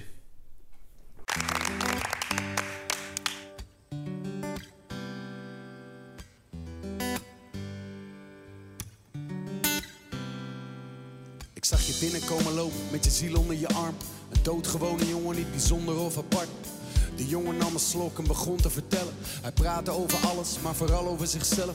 Over wat hij doet en wat er omgaat in zijn hersens. Opstaan met een koppijn en omgaan met depressies. Ik zei jongen, je bent kerngezond. Net een mens als iedereen, ook met dezelfde stront. Nog steeds dezelfde worstelingen met jezelf, het komt goed. Doe wat je doet jongen, des te verder je komt. Niet zwijgen maar doen, zet het om in iets goeds. Voor mij wordt schrijven een tekst over wat je hier doet. Ah, over raken van de bodem, maar nog steeds blijven geloven. En het steeds blijven vinden van de moed. Hm. De jongen stond op en hij verdween in de verte. Een jaar later schreef hij deze Nou, tekst. heerlijk broodje gegeten. Top verzorgd. Glaasje water erbij. Ja, niet voor mij zie ik. ja, Erik? Oh joh. nou, je kan hier rustig komen, zie ik alweer. Zeker wel. We hebben het eh, over topsport eh, in, het, eh, in het algemeen eh, gehad. Eh, maar ik wil even terugkomen op, op die carrière van jou. Je bent dienstplichtig. Je gaat na een paar maanden wend jij je dus tot het sportbureau en zegt van hé hey, luister eens, ik heb SIOS. En eh, Cornelissen die gaat eh, eh, proberen om jou binnen te harken. Je gaat vier maanden in opleiding waarvan je er drie maar hoeft te vervullen. Ja. Dan kom jij terug op het, op het korps en gaat dan sportinstructeur zijn. Je weet je omgeven door wat uh, hè, om het zo maar te zeggen. Eh, is, daar, is daar één van. Ja. En je zit eigenlijk een beetje richting, als ik hem zo voor je invul, richting de eh, eh, transitie van eh, dienstplichtig leger naar beroeps. Een beroepsleger. Of is, is dat iets te vroeg nog? Nou, dat is iets te vroeg. Ik ben sportinstructeur geworden in 89. En die transitie begon eigenlijk een beetje, volgens mij, 2, 92, 93. Oh, toen pas. Ja, dus... Maar jij bent, hebt wel bijgetekend naar je... Ja, ik ben eh, ehm, na mijn 104 periode ben ik natuurlijk naar de sport gegaan. En eh, vanaf toen heb ik eigenlijk als KVV'er bijgetekend. Oké. Voor vier jaar. Oké, Waarom Ja. werd je niet, ging je niet naar de KMS dan? Nou, ik kon, ik kon instromen als KVV'er eh, gelijk bij het sportbureau. Ja. Dus dat was de kortste weg naar daar waar ik naartoe wilde. En eh, toen later, toen ik eigenlijk mijn contract afgelopen was, wilde ik eigenlijk naar de KMS toe. Oké. Dat was eigenlijk de insteek wel. Want het militaire leven beviel je. Nou ja, ik had het, ik had het enorm naar mijn zin. En eh, ik zat natuurlijk ook op een plek, ja, mooier kon je niet hebben. Bedoel, eh, je was met, met, met professionals bezig, je was met leuke collega's bezig. Werk was natuurlijk top. En we deden natuurlijk enorm veel verschillende eh, dingen toen. Met een klein groepje ja, verzorgden we eigenlijk heel veel eh, eh, gedeeltes van opleidingen. Maar ook grensverleggende activiteiten op, eh, op alle locaties in eh, binnen- en buitenland. Eh, dus ja, dat was heel gevarieerd en, eh, en, en, eh, en, eh, ja, qua intentie een hoog, eh, hoog eh, gelegen periode, zeg maar. Hm. Dus dat was, heel- dat, ja, was gewoon leuk. Jij schetste mij een- beeld in dat, in dat voorgesprek wat je had. Of wat we hadden. Was dat jij toen je KVV'er was, was je eh binnenslapen. Ja, klopt. En je wist je omgeven door meer van dat soort types eh, als dat jij was? Of in die, in die status Ja, dan, goed, zeg maar? het, het korps bestond toen natuurlijk toen uit, eh, uit eh, een aantal, eh, een drietal pelotons. Of compagnies moet ik zeggen. En eh, die eh, hadden eigenlijk allemaal KVV'ers in dienst. Als, als kaderlid, zeg maar. Dus een aantal beroeps. Maar de meeste ploegcommandanten waren KVV'er. Dat waren jongens die bijgetekend hadden. Hm. Dus je had toen een best wel een groot bestand met, eh, met jongens die eh, als kortverbander eh bleven hangen. Ja, en, dat, dat, en die sliepen ook allemaal binnen. Dus dat was natuurlijk hartstikke leuk. Want je had elke avond had je een club gasten bij elkaar. Die eh, nou ja, gingen natuurlijk veel sporten nog. En daarna even eh, een biertje drinken. Of we gingen op eh, donderdag de stad in. En goed, dat was een heel leuk leven. Buiten het feit dat je intensief bezig was met je werk. Was dat natuurlijk ook qua ontspanning en, en, leuke dingen doen met elkaar ook geweldig mooi. Dus ja, dat was, dat was super. Hard ontspannen met elkaar. Ja, ja. Ja, oké. ja, ja, ja. Hey, en, maar hoe staat het dan als je binnenslaper bent? Dat betekent dat je ook een buiten... Je hebt ook een thuis. Of woon je nog bij je ouders of zo? Of hoe, eh, hoe werkt ik, woon, ik woonde toen nog thuis. Ja. Dus eh, ja, dat, dat, dat vond ik prima. Want ik denk, ja, ik kan wel ergens een huis gaan huren of weet ik veel wat. Ja, als je Maar ik nog slaap, bent, dan... ik, eh, ik, ik slaap toch... nee, maar er eh, was nog doen. geen verkering in je leven gekomen of zo? Nee, of, eh, nee, nee, nee. part-time Nee, lover? Op dat moment nog niet, nee. Dat is pas later eh, gekomen. Ah. Maar goed, toen sliep ik ook nog binnen. Dus ja, dan ben je alleen in het weekend thuis. En, ehm, maar in het weekend deed ik vaak ook nog een beetje bijklussen bij her en der bij eh outdoorbedrijven. Of, dus... ja, die wist was- hij ook wel te vinden. Dus ik was eigenlijk wel zeven dagen in de week onder de pannen. Dus Ah. ergens gaan wonen, ja, dat had eigenlijk weinig zin. Oké. Dus dat sporten, dat is gewoon... Tot in je vezels zit dat, eh, Ja. zit dat in je. Ja, ja, ja. En dat wil je dan volhouden op dat moment of zo. Maar KVV betekent dat je dus vier jaar contract hebt. Ja. Ik heb het eh, nog een keer bij je gecheckt, maar het- het- wat ik altijd dacht dat is waar, wordt bevestigd jou geval. Dan kan je nog na die vier jaar kan je nog één keer bijtekenen voor vier jaar. Ja. En daarna weet je dat dat eindig is. Daarna word je ons, of ontslagen, maar in ieder geval daarna wordt er afscheid van je genomen. Ja, en dat is wat ik in het voorgesprek ook al tegen jou zei van ja, dat is aan de ene kant wel logisch, want anders krijg je een soort eh, eh, eh, verkapte beroepsdingen die hetzelfde werk doet, hetzelfde verdient, maar die gewoon rechtstreeks aan het werk kan. En iemand die echt beroeps is, maar die daar de KMS eerst heeft moeten volgen. Dus dan krijg je eigenlijk een beetje een scheef... eh, eh, Ja, maar het voordeel van de KMS is toch dat je dan eh, een opleiding hebt en je daarna moet bewijzen. En de KVV heeft zich toch in principe al bewezen, want anders zou die nooit zo'n KVV-contract krijgen. Of nee, namen maar ze iedereen aan als KVV? Nee, toch? Nou, kijk, als jij bij het korps zat en je wilde bijtekenen, dan kon dat. Ja, oké. ja, bij het korps misschien. Ja, oké. eh, Ik Ja. weet niet hoe dat voor de rest eh, bij andere eenheden zat, maar bij het korps kon je dan bijtekenen. Dan werd je meestal ploegcommandant. Ja. In mijn geval ging ik dan naar de sport toe. Maar er was wel een functie voor te, te vinden in die, eh, voor die vier jaar. Oké. Kijk, en als je echt langer wilde blijven en je wilde ook doorgroeien in rang, want dat was natuurlijk ook, Ja. dan, dan moest je wel naar de KMS. Die- Hé, hey, maar luister dan, dan, als jij dan zeven dagen in de week zo met dat sporten bezig bent, hard aan het ontspannen. eh, eh, nou, alles staat dus in het teken van die sport. Je hebt dan ook SEALs, hè, dus sport, sport, sport, sport. Maar met dat eindige contract wat je dan weet, Ja. wat, is, jouw, wat is jouw toekomstplan dan? Nou ja, toen was mijn toekomstplan om eh, naar de KMS te gaan. Daarna. En bij het de sport wat, dat was, werd langzamerhand verweven in dat, in dat militaire ja, zijn. ja, ja, ja. Ja, goed, weet je, ik had het daar prima naar mijn zin. En het, eh, het werk beviel me en, en de wereld beviel me. eh, met elkaar omgaan beviel me. Eh, dus ja, Maar waarom, dat was voor mij een logische waarom stap. geweest. zitten we hier dan? Wij zitten hier omdat ik toen eh, de tijd had je die inderdaad die omslag van eh, zeg maar dienstplichtig naar beroeps. En ik had precies in die periode gesolliciteerd op de KMS als sportinstructeur, waar er blijkbaar uiteindelijk geen plek weer was, geen vacature was en niet aangenomen werd. En voordat ik het wist, stond ik eigenlijk weer eh, in de burgermaatschappij.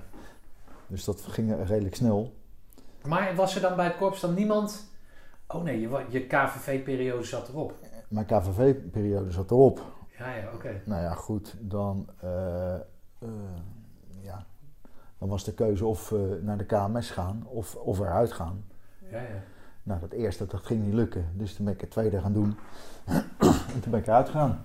En dan, dan is het in één keer afgelopen met, Dan, met, eh, met hetgeen wat je al die tijd dan zeg maar als jouw Ja. leven hebt ja. beschouwd of maar ook geleefd hebt. Ja, zeg maar. klopt. Ja. Oh, dat moet, dan, eh, dat moet dan rauw op je dak vallen, of niet? Nou ja. eh, Voel je dan niet in de steek gaat- gelaten door het systeem? Ja, zo, zo ging dat. Nee, maar daar gaat het niet om dat het zo Ik- ging. Ik, dat weet niet of ik maar... me zo zo voelde, maar in ieder geval was het wel zoiets van oké, en, eh, en, en nu? Ja, Weet je wel, dat gevoel had je wel. Want eigenlijk had ik verder nooit nagedacht. Het, het, het zat gewoon in mijn systeem van ik werk daar en ik ben daar bezig. En over andere dingen buiten de poort had ik nooit over nagedacht. Wat ik daar überhaupt zou Nee, want gaan jij nam het als zekerheid aan dat je bij de KMS aangenomen zou worden natuurlijk. Ja, Ja, je had alles. Daar ging ik eigenlijk vanuit. Ja. Ik had goede beoordelingen, eh, eh, nee, goede, re- goede referenties. eh. mensen hadden een referentiebrief geschreven. Dus ja, ik denk ja. Nooit rekening, mee, nooit rekening mee gehouden dat er blijkbaar geen vacatures waren, waardoor ik niet aangenomen werd. Dus, eh, nou ja, goed. En dan is het een kwestie van je spullen inleveren en, en, en, de poort achter je dicht doen. En dan ga je in één keer nadenken van, oké, en nu? Maar even om de situatie helemaal duidelijk te krijgen. Kijk, als jij dus, wat er niet gebeurd is natuurlijk, maar als jij al een plek buiten de poort had gehad voor jezelf, Ja, dan had je iets van een leven. Ja. Maar je bent altijd inpandig, eh, aan, of noem inpandig, binnenslaper geweest. Ja. Dus afgezien dat je je baan verliest, ja. Word je in één keer ook op jezelf teruggeworpen. Want je moet ook nog iets van, ja, ik heb weer ouders zitten, maar Ja. ook iets van een leven gaan opbouwen. Ja, dus. ja. Oké, dus je begint helemaal op nul eigenlijk. Ja, op nul. Ja, ik weet niet of je het als nul moet beschouwen. Je, moet opnieuw beginnen, zeg maar. Je begint nooit Nee, op nul, vind ik. Want je hebt altijd een bepaalde ervaring opgedaan. En Nee, natuurlijk, bepaalde, maar je eh, hebt natuurlijk niet, je, je bent Ja, altijd goed, je- militair geweest, toch? Ja, ja goed. Je, Ja, ik wil het niet erger maken dan het is. Je, je basis, je basis van oké, je moet weer even terug naar waar je vandaan komt. En je moet daar weer even je ding gaan vinden. Dat is waar. Ja. Kijk, eh, ik zat in Roosendaal eh, eh, natuurlijk vijf, vijf dagen in de week en vaak ook in de weekenden, dus ook ergens anders. En mijn thuisplaats, ja, daar kwam ik eigenlijk niet zoveel Nee. meer. En, Dus je moet daar wel weer even je draai gaan vinden en, en, en, je, en je plekje gaan zoeken. En wat ga je dan doen? Nou, was dat op zich eventjes zoeken, maar ik, ik heb al aangehaald dat, de, dat mijn neef, die vroeger ook bij uh, het KSD heeft gezeten, John, ja, die had een eigen, eigen bedrijfje. En uh, nou goed, daar had ik altijd goed contact mee. Dus daar ben ik een beetje ingestroomd. Toen ben ik een beetje in de luchtveldtechniek uitgekomen.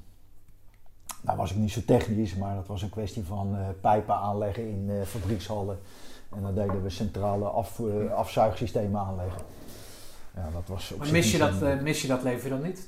Natuurlijk mis je het leven, maar mis je die, die, dat, dat, dat, dat, ondanks dat jij zegt meerdere malen van ja, maar ik draag dat natuurlijk als groene beret, draag je dat niet uit dat je groene beret bent, maar mis je die, dat, dat, dat nou ja, laat het status noemen, mis je dat niet? Nou ja, de, de status niet echt. Het, je, je, mist gewoon het hele leventje. Daar met elkaar dingen doen, met groepen bezig zijn en, en dat, dat soort dingen. En nu stond je met z'n tweeën ergens gaten te boren in de muur in een fabriek.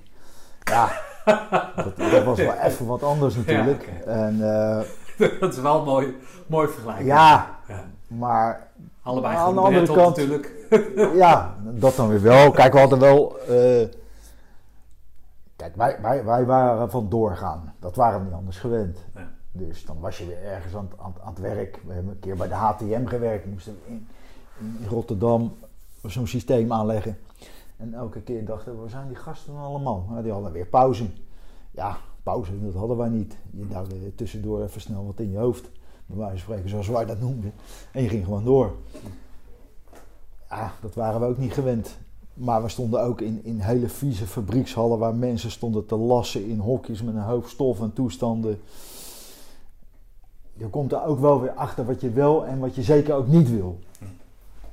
Dus ja, je moet gewoon een aantal dingen meemaken om op een gegeven moment weer een keuze te gaan maken welke richting je op wil. En, en voor ons was beide... Was je al vrij snel duidelijk dat het hetgeen met John, je neef, Groene Beret, die gaat in de muur, om het zo maar even te chargeren dat dat het niet zou zijn? Ja, maar dat hadden we alle twee wel. Oh, dat was wel een beetje voor ons alle twee wel een soort tussenstap, zeg maar. Gewoon meneer om geld te verdienen. Ja, maar goed, uh, om even te kijken van nou, uh, je moet bezig zijn om, om, om, om in je onderhoud te voorzien. Maar die tijd ook gebruiken om te kijken van oké, okay, welke kant wil je dan op? Wat vind je nou leuk? Nou ja, we waren er beide van overtuigd dat het leuk was om met mensen bezig te zijn, buiten en het liefst met dingen die we bij het KCT ook ooit wel eens geleerd hadden. Dus ja, toen was de stap om zeg maar een outdoor bedrijf op te starten, was niet zo heel uh, verrassend. En dat hebben we dus ook gedaan. Hm. En dat was eerste instantie was dat gewoon een beetje erbij. Dus in de weekenden met uh, sportclubjes uh, naar de Ardennen rijden en daar alle leuke dingen doen. En daar haalden we dan een extraatje uit, doordat die mensen natuurlijk daarvoor ook wat betaalden. En op een gegeven moment ga je zien van, nou, oké, daar kunnen we wel wat meer business uithalen. Dus toen zijn we meer groepen gaan draaien. Hm. En de omslag kwam eigenlijk een beetje. Um, wij kwamen in contact met een, een, een, man die bij ons in het dorp woonde, in Wassenaar. En die was teamleider bij een ME-eenheid in Den Haag. En die deden vaak trainingen. Uh, die zeiden van, nou oké, okay, willen jullie niet voor ons een, een, een, een, buitentraining opzetten? Ja, maar waar gaan we dat doen dan? Nou, zegt hij, we komen wel eens op Duinrol in Wassenaar. Nou, dat is natuurlijk een attractiepark, maar daaromheen zit een heel... Het attractiepark is eigenlijk kleiner als het hele gebied is daar. Er is een heel park aan vast, eh, met bosduinen. En daar had hij contacten, dus dat, uh, dat hebben we toen gedaan. En hebben we daar wat dingen uitgezet. En hebben we daar groepjes van de ME uh, zeg maar outdoor trainingen gedaan. Maar dat was natuurlijk door de week en overdag. Dus uiteindelijk zijn we dat gaan oppakken door te zeggen: ja, iedereen gaat wel naar de Ardennen of naar uh, de Eifel toe. Want dat was helemaal hip toen. Maar een heleboel bedrijven die zeggen: ja, ik wil wel zoiets doen. Maar ik heb geen zin om daar een hele dag aan te besteden. En dan met bussen helemaal die kant op en een hoop toestanden. Dan moet je eigenlijk nog overnachten, want met een bus een dagje heen en weer naar de Eifel. Ja, en een heleboel bedrijven zeiden van nou, daar ga ik niet eh, eh, eh, zoveel tijd in stoppen voor, voor mijn personeel. Maar ik vind het wel leuk om een middagje wat te doen. Ja. Afsluiten met een drankje en een hapje. Nou, dus wij zeiden, nou dat kunnen we in Nederland ook. En zo zijn we eigenlijk een beetje reclame gaan maken. En eh, toen zijn we die bedrijfsuitjes gaan, eh, gaan doen. En dan in Nederland, maar wel met outdoor activiteiten. Ja. Dus ik denk dat wij in Nederland toen een van de eerste waren die dat. eh, Is dat zo? Een van de eerste Ja, die dat in wel. Nederland zeg maar een Ja, locatie hadden ja. en dat ook op die manier tenminste, alle bedrijven die ik kende die in die branche bezig waren, die gingen allemaal naar de Ardennen. Naar, eh, en, en ja, wij dachten van, ja, waarom doen we dat? Ik een touwbaan bouwen in, in de Ardennen kan ook in Nederland natuurlijk. Ja. En duurzaam, hè? Toen al. Ja, Dan? Ja, dan had je natuurlijk wel, je had hier geen hoogtes. Dus wat deden wij eh, in een bos? Dan zetten wij een steiger neer, een roze een grote steiger. Eh, en daar had je in Duiren had je van die hele hoge beukenbomen. Nou, die waren gewoon eh 20 meter hoog minimaal. Dan zetten we een steiger tegenaan en dan een grote tak, daar beelden we een, een, eh, een lijn. En dan konden ze van 20 meter toch afdalen. Oké. Dus een Ja, heel, heel principe, simpel. ja, eh, eh, Zo moeilijk hoeft het niet maar te de belevingswaarde, of je, eh, als je aan een touw hangt, blijft min of meer hetzelfde natuurlijk. Oké. En hoe ging dat? Want John is dan familie voor jou. Gaat dat, Hm. dan- gaat dat goed dan? Ondanks dat je samen hetzelfde cluberet hebt, dat gaat, dat... Vrienden. Ja, nee, dat, dat, dat ging prima. Dat ging prima. Ja. We hebben dat een aantal jaren gedaan. We hebben ook nog een keer een, eh, een, eh, een winkel geopend. In, eh, in Wassenaar. Nee. Een outdoor winkel. Ja, wij dachten van, weet je wel, je, je, gaat, je doet outdoor. Dat is ook misschien wel leuk om spulletjes te verkopen. En we konden toen een, een winkelpandje wat leeg stond via via iemand huren. En dat was dan voor een paar jaar, want daarna zou het gesloten worden. En ik dacht, nou, dan gaan we dat doen. En toen hebben we daar een outdoor winkel begonnen met allerlei outdoor spulletjes. En loopt dat dan in Wassenaar? Ja, ja, lastig, lastig. We hebben wel, eh, het was te doen, maar ik vond het niet echt leuk. Ik vond altijd een winkel, daar, kwam, ja, daar moet je dan ook achter komen. Ik vond het een beetje gevangenis met de deur open. Ja. Dus je moet de hele dag verplicht in dat hockey blijven. Ja. En eh, ik was toch meer een, een buitenman die eh, naar buiten moest. En eh, om de hele dag in zo'n winkel te staan, dat was me niet. nee, dat lag me uiteindelijk niet. Hm. Dus dat hebben we na drie jaar ook gestopt. Maar goed, wel, het, het kan versterkend werken natuurlijk. Ja, Hè, jij, jij, doet zo'n, eh, jij organiseert zo'n eh, personeelsuitje. Iemand raakt geboeid door het eh, buiten zijn. Die gaat naar die winkel toe, die koopt wat, jij smeert hem wat aan. En vervolgens komt daar ook weer werk uit bijvoorbeeld. Dus Ja. de, de keuze is niet, is niet slecht. Maar goed, dan Ja. kap je dus met die winkel. En, maar jij, jij bent, ik, hè, ik neem even een voorsprong op. Of een, ik weet niet hoe je dat noemt. Maar jij gaat weer terug naar Defensie. ja. Maar hoe, hoe, Ja. kan, hoe kan dat dan? Dat, dat, Nou, wij, eh, eh, John en ik groeiden op een gegeven moment eventjes uit elkaar. Hij kreeg ook een vriendin, die woonde in, eh, dat was een Italiaanse. Nou goed, daar ging hij vaak naartoe en uiteindelijk is hij daar ook naartoe verhuisd. Die woont nu tegenwoordig in, in de buurt van Rome. En ja, op een gegeven moment ben ik bij een ander outdoor bedrijfje even aan de slag gegaan. Eh, want ja, dat viel even uit elkaar. En toen kreeg ik eh, via Rini IJsselberg, die had ik een keer aan de lijn, die was toen commandant sportbureau, KST. En ik had hem ooit in de, in de ACO eh, gehad, toen hij zijn beret haalde en ook naar de sport kwam. En uiteindelijk was hij commandant geworden. En die had ik aan de lijn om iets, ik wilde geloof ik iets, iets, iets vragen of weet ik veel wat, ik weet niet hoe ik erbij kwam. Toen zei hij, had jij geen zin om terug te komen? Ik zei, nou, ik zeg, eh, heb jij ruimte dan? En, eh, ik zeg, het lijkt me wel leuk. Nou, hij zegt hij, we hebben mensen nodig. En eh, ja, als je zin hebt, kom je terug. Dus daar heb ik even over nagedacht. En toen dacht ik van, nou, waarom niet? En welk jaar praten we dan over? Eh, 2000. Ja, 2000. En toen was je in hoeveel, in, ik heb niet opgelet natuurlijk, maar hoeveel jaar ben je dan uit, Ja, uit ik ben eh, eind 93 eruit gegaan. oh, zeven jaar tussen? Ja, Oh, oké. Zeven jaar tussen. Ja. Dus jij had zo'n onuitwisbare indruk achtergelaten bij de korps dat ze je gewoon blind terugnamen. Nou, dat, dat, dat weet ik niet eh, hoe, hoe- ze daar over mij dachten. Maar in ieder geval, ik heb wel in een periode, beginperiode gezeten waar de, een heleboel jongens zijn opgeleid. Of heb leren kennen. Die later allemaal beroep zijn geworden en op bepaalde functies terecht zijn gekomen. Waar ik altijd nog contact mee had.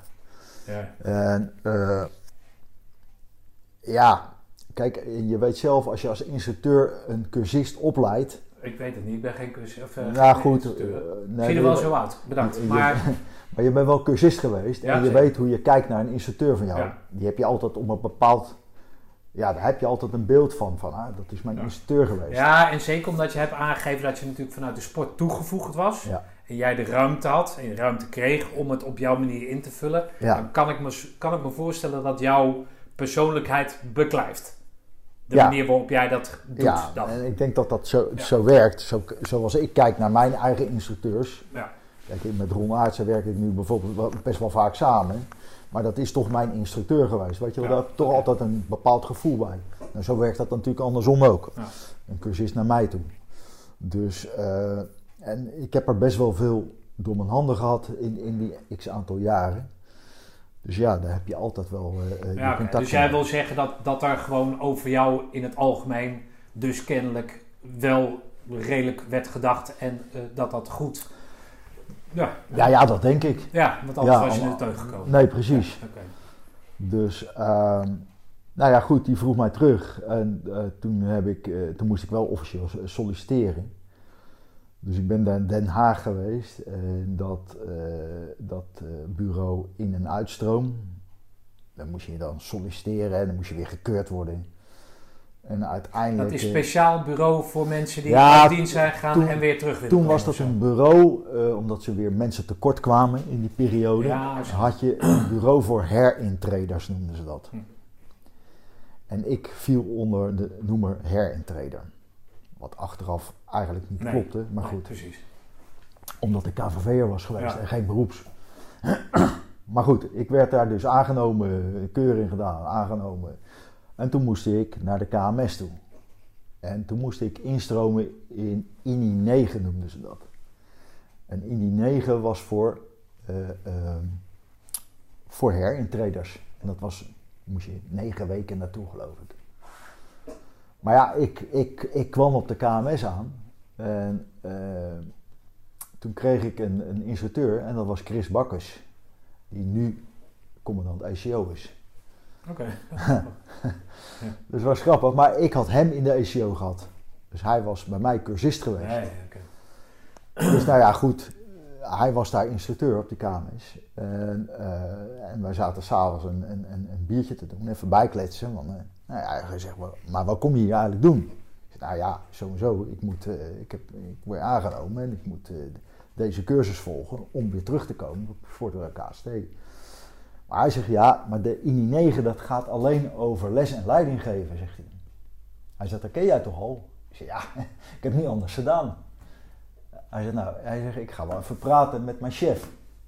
Een major, die was zijn baas. Ik weet mijn god zijn naam niet.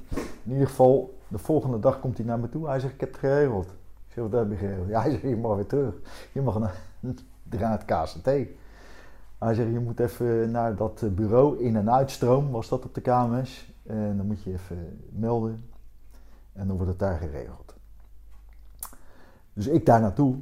En er zat een of andere luitenant. En er zat een, eh, en dan ben ik zijn naam kwijt. Dat was een logistiekeling op het KST. En die had ook zijn beret gehaald, ooit. En die had ik ook als cursist gehad. Die zat daar ook. Oké. Een eh, hobbyist toen de tijd. Nou ja, ja eh, zo noemde je dat, ja. En die, eh, Het, is gewoon, het, het hangt van vriendjespolitiek aan elkaar dus. nou ja, vriendjespolitiek, maar in ieder geval wel... De, de ja, juiste goed, mensen op de juiste plek ja, op de precies. juiste tijdstip. Dus ja, goed, we hadden even een goed gesprek daar zo. En toen moest ik bij die andere luitenant, en dat was geen KCT, komen. En dan moest ik tekenen, een soort, nou goed, dat ik uitstroomde. En toen vroeg die man van, eh, ja, welke lichting ben jij? Ik zeg, nou, van 88,5. Ja, hij zegt, nee, dat bedoel ik niet. Hij zegt, welke KMS-lichting? Ik zeg, die heb ik nooit gedaan. Maar ik had mijn handtekening al gezet. Dus ik mocht weg. Dus ik was, uiteindelijk werd ik beroeps zonder ooit de KMS te hebben gedaan. Dat was ook weer Oh, een apart verhaal. Oké. Ja, is dat zo'n apart verhaal? Nou ja, In de zin van dat dat Ik- eigenlijk volgens ik- de regels niet kan, niet mag. ja, dat denk ik. Ja. Ik weet niet of dat zo is, maar ik weet niet of er andere beroepen zijn die de KMS niet hebben gedaan. Nou, of de KMA, weet ik niet, veel wat. eh, niet uitzenden, want eh, voor hetzelfde geld, want de terugwerkende kracht worden die strepen alsnog eh ingeleverd. Ja, Plus het kunnen. bijbehorende loon. Ja, dat, dat zou ook nog kunnen. Maar goed, eh, ehm, ja, ene- aan de ene kant is dat misschien een gemis. Aan de andere kant, voor mijn werk maakte dat Nee, helemaal niks uit. mensen nodig en jij bent natuurlijk gepokt en gemazeld in dat vak, toch? Ja, buiten dat, maar ik werd ook weer gewoon geplaatst op het sportbureau. Ja, daarom. Dus, eh, en dat waren werkzaamheden die voor mij helder waren. Ja. Eh, en, ehm, en ik kon daar gelijk weer invulling geven aan- en, mijn ding doen. Dus dat, dat, dat kwam voor mij dan eh, goed uit. Ja. Ja. Oké. En dan? Want Nou ja, dan zit je namelijk in- wel in de periode dat er eh, in die transitie waar we het eh, over Ja, hadden. ja, die was al geweest natuurlijk. Oh, die was ook alweer geweest. Die was al geweest, want eh, ze zijn natuurlijk begonnen toen met de 108, eh, ergens in, in begin 93 volgens mij. En uiteindelijk was dat natuurlijk al in verschillende compagnieën uitgebouwd. Dus ik, kwam, ik, ik kwam op, op het sportbureau toen in Berg op Zoom, want we waren toen nog in die verhuisperiode, of zeg Ja. maar in die nieuwe kazerne waren ze aan het bouwen. Ja, de kazerne werd verbouwd en toen ze zijn... Dus ik kwam op Berg op Zoom uit. Ja, dat was nog precies als de oude kazerne natuurlijk. Want Berg op Zoom, dat was een kopie van de kazerne eh, Roosendaal. Dus ja, eh, de weg hoefde ik daar niet te zoeken. Eh, en de meeste mensen die daar werkten, die kende ik nog vanuit het verleden. Ja. Want die zaten allemaal op beroepsfuncties en kaderfuncties. Ja. Dus ik stroomde daar redelijk makkelijk in. Nou, eerst wat werkzaamheden gedaan op het sportbureau. Is dat thuiskomen dan? Ja, in principe wel. Kijk, waar... eh, Nee, maar is dat dan van... Hè, hè? Je bent zeven jaar weg geweest. Je hebt zeven jaar met, Ja, met, met nou, je neef het- eh, eh, gaten in de, Ja. in de muur geboord. Ja, Terwijl niemand keek. ja. Dan Nee. moet dat toch een heel ander, ander leven zijn dan dat je gewend was. En nu kom je daar weer terug. Dan, dan moet dat toch thuiskomen zijn, of niet? Ja, met name ook omdat er een, natuurlijk een hoop lui zaten die ik nog kende. Ja. Dus je, je valt eigenlijk, je komt eigenlijk weer terug eh, in, in een soort familie eh, Ja. eh, setting. Dus in die zin was dat wel, wel heel snel weer als vanouds. Ja. Behalve het feit dat ik natuurlijk wel merkte dat, dat er heel veel veranderd was. En dan niet zozeer in de basisdingen, zoals een VO en ECO. Dat, ik bedoel, dat is nu nog min of meer hetzelfde, zeg maar. Maar met name de professionaliteit, hoe je met elkaar omgaat, maar hoe ook de werkzaamheden worden aangegaan, was natuurlijk heel anders dan in de eerste periode. Kijk, dienstplichtig eh, periode was natuurlijk heel iets anders. De taakstelling was anders, maar ook, eh, eh, ja goed, er- kon ook veel meer. En nu was het echt professioneel, met, met andere middelen ook, weet je. Vroeger liep je met, had je één wapensysteem, dat was de Uzi, bij wijze van spreken, en, en, en een groepswapen, dan had je het wel een beetje gehad. En, en nu liepen de meesten liepen met, eh, met drie wapensystemen in de rondte. En, en wat er allemaal nog omheen hing. En alle technologie en, en wat je moet kennen en kunnen. Dat is allemaal ja, enorm veranderd natuurlijk. Hm. En dat kwam uiteindelijk natuurlijk ook in, in die commandoopleiding wel een beetje naar voren.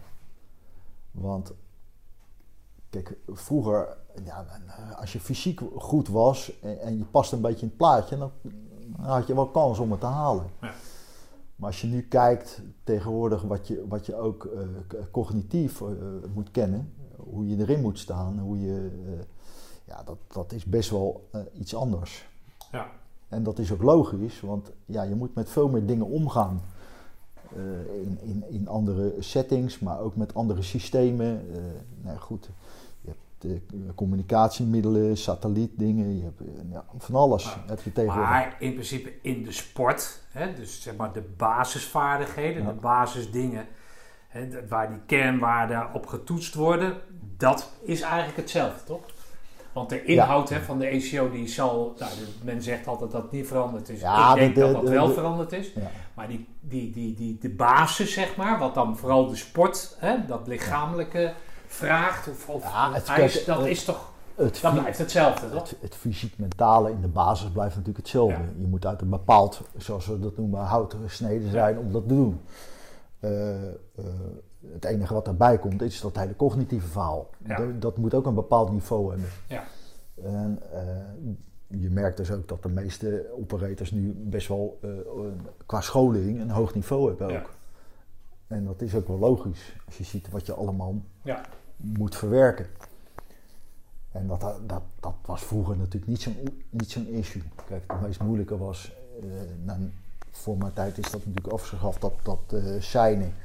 Maar wij kregen natuurlijk met die DBA en dat soort dingen, ja, dat was het enige technologie een beetje Ja. wat een beetje hoogstaand was. Nou ja, wat mij altijd wel aanspreekt, want daarom zou ik bijvoorbeeld nu geen commando meer kunnen worden, is ik ben heel slecht in kaart lezen bijvoorbeeld. Ja. En dan zie je bij zo'n kamp van Koningsbrugge, Ja. Soortgelijke programma's, zie je dat, dat daarop gehamerd wordt in de zin van, nou ja, als je te laat bent, dan is de helikopter weg. Ja. Kun je vragen, er is toch helemaal geen helikopter? Ja. Maar daarmee val je door de mand. Ja. Dus ik ben van mening, maar goed, dat is mijn beperkte eh, kijk op het, eh, op het commandoleven, is dat rond mijn tijd het vooral ging over doorzitten. En als je maar liet zien dat je door kon blijven gaan, dat je niet stopte, dat je dan, nou ja, gechargeerd hebt, jongens, sorry, maar dat je al snel commando werd. En nu worden natuurlijk andere dingen gevraagd, kennelijk. Hè, dus onder druk, als je moe bent, een bepaald ding onthouden of, of weet ik veel wat, ja, daar zou ik in ieder geval eindeloos op stralen. Nou ja, goed, er zit ook wat meer individuele toetsing ook in nu. Ja, Eh, omdat je ook, eh, ja, er ook vaak nu situaties zijn waar je soms alleen of met z'n tweeën optreedt. Waardoor je dus zelf ook oplossingen moet eh, Ja. gaan zoeken. Ja, Maar goed, jij verantwoordelijk voor de sport, voor een gedeelte Ja. van die sport. Is daar in principe, hè, kan je dat scharen onder het, uit het juiste hout, hout gesneden.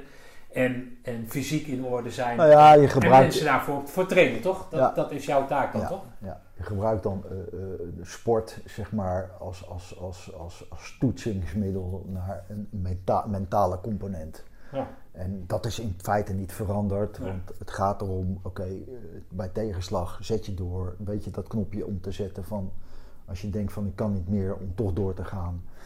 Eh, Goed, dat soort dingen, dat, dat, dat kan je met, met, met sport en bewegen natuurlijk eh, toetsen makkelijk. Ja. En, en, en, en, ja, kijk, wij zijn toen de tijd met, met Ed Janssens, eh, een collega van mij, eh, begonnen ook met een individueel vaardigheidsparcours, wat eigenlijk nu nog gebruikt wordt. Oké. En dat was gewoon een nacht door stekkeren, waarbij ze eh, een lege rugzak begonnen. En dan kwamen ze op een punt uit en dan moesten ze iets uitvoeren. Nou, dan kan zij geblinddoekt een wapen in elkaar en uit elkaar zijn halen, bij wijze van spreken. Nou, en als dat niet goed ging, dan kregen ze een zak grind eh, in, in die rugzak. Dan gingen ze naar het volgende punt. Ja, als je pech had en je had alles verkeerd gedaan, dan was je rugzak eh, 80 kilo zo'n beetje. Maar deed je alles goed, met name ook eh, eh, in dat denkvermogen natuurlijk. Ja. Eh, on- ondanks dat je moe bent, toch helder te blijven. Ja, dan kwam je met een leugen ru- rugzak aan. Dat scheelt wel even natuurlijk.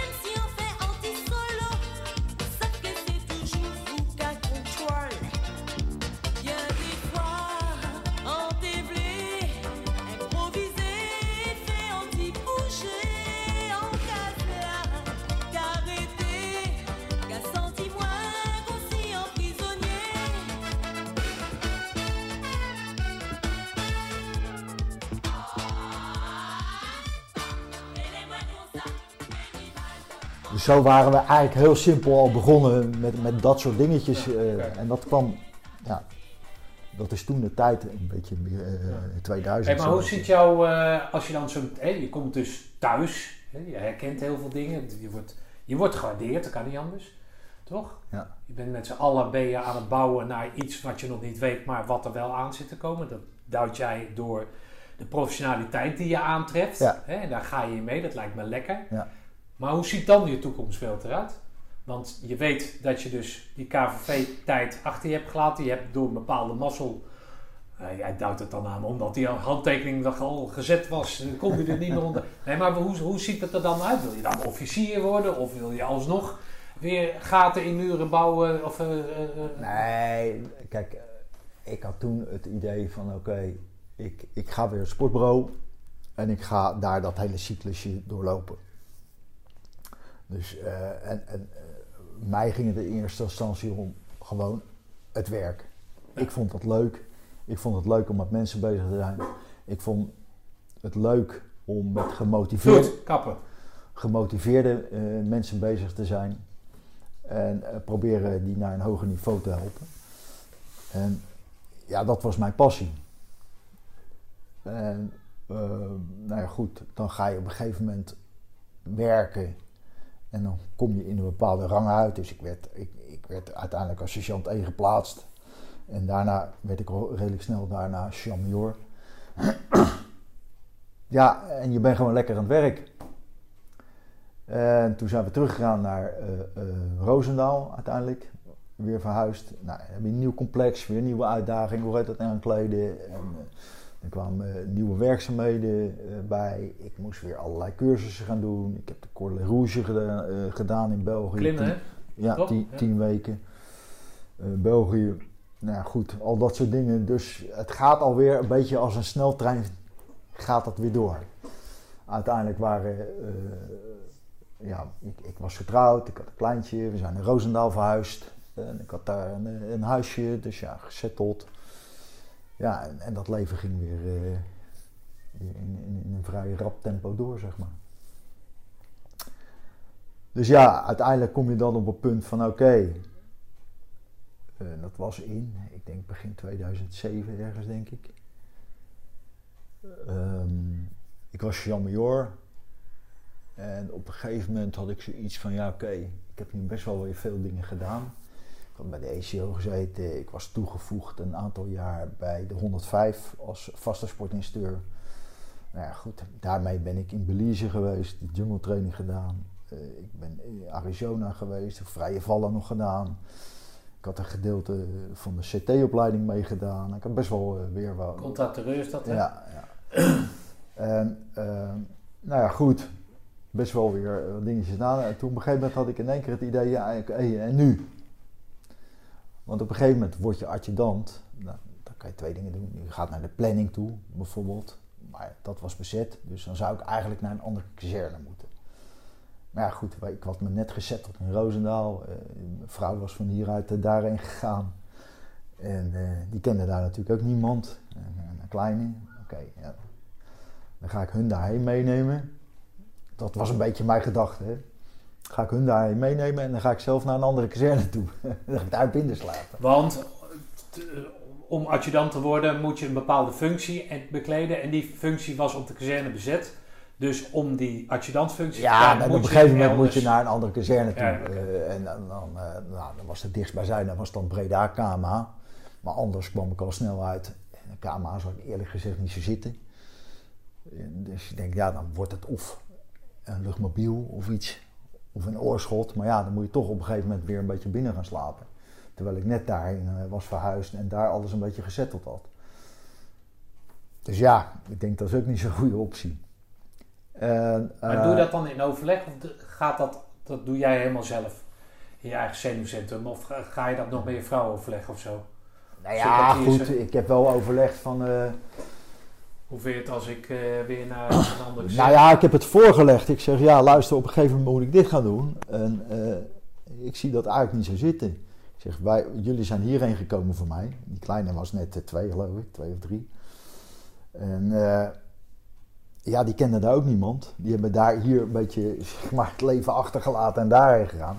En dan zou ik na twee jaar weer zeggen, ja oké, maar nu ga ik even eh andere kant van het land binnenwonen. En jullie zoeken het hier maar uit.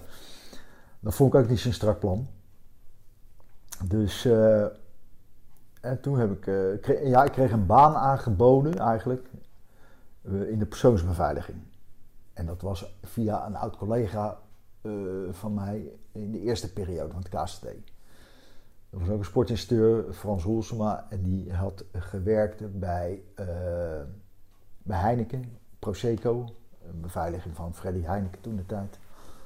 Later is hij doorgestroomd naar eh, de fabriek eh, eh, in, bij Heineken. Maar hij deed ook nog wat beveiligingswerk. Nou, waar hij voor werkte, die hadden ook een afdeling in Braschaat, België. En daar zochten ze iemand voor. Maar de persoonsbeveiliging, ik, zeg, ik knik altijd maar heel begrijpelijk, maar wat is dat dan? Nou ja, het beveiligen van mensen, eh, zeg maar, eh, quote 500 me- eh, mensen, eh, zo noem ik het dan maar even. In ieder geval mensen met een hoop geld die beveiligd moeten worden. Deurtje dat, open, Dat was eh, in Braschaat. En wat wij daar deden, was eigenlijk, we hadden daar een kantoortje in het centrum van Braschaat. En we hadden daar een x aantal klanten. En- Oh, niet één, maar je had meerdere families Ja. of zo, of meerdere... en ja, wat ja, wij daar deden, is eigenlijk preventieve observaties. Ja, ja, oké. aankomst- en vertrekbegeleiding, maar ook eh, inspectie van, van het landgoed en van, eh, nou ja, goed, ze hadden vaak ook camerasystemen en nou goed, al dat soort dingen, banden verwisselen en al dat soort eh, dingen deden we daar. Dat leek jou leuk. Nou ja, ik denk, weet je wel, het, het was er goed betaald. het was is weer, het is weer, betaald. Het is misschien ook wel weer een, een, een uitdagend eh, leventje. Die banden wisselen en zo.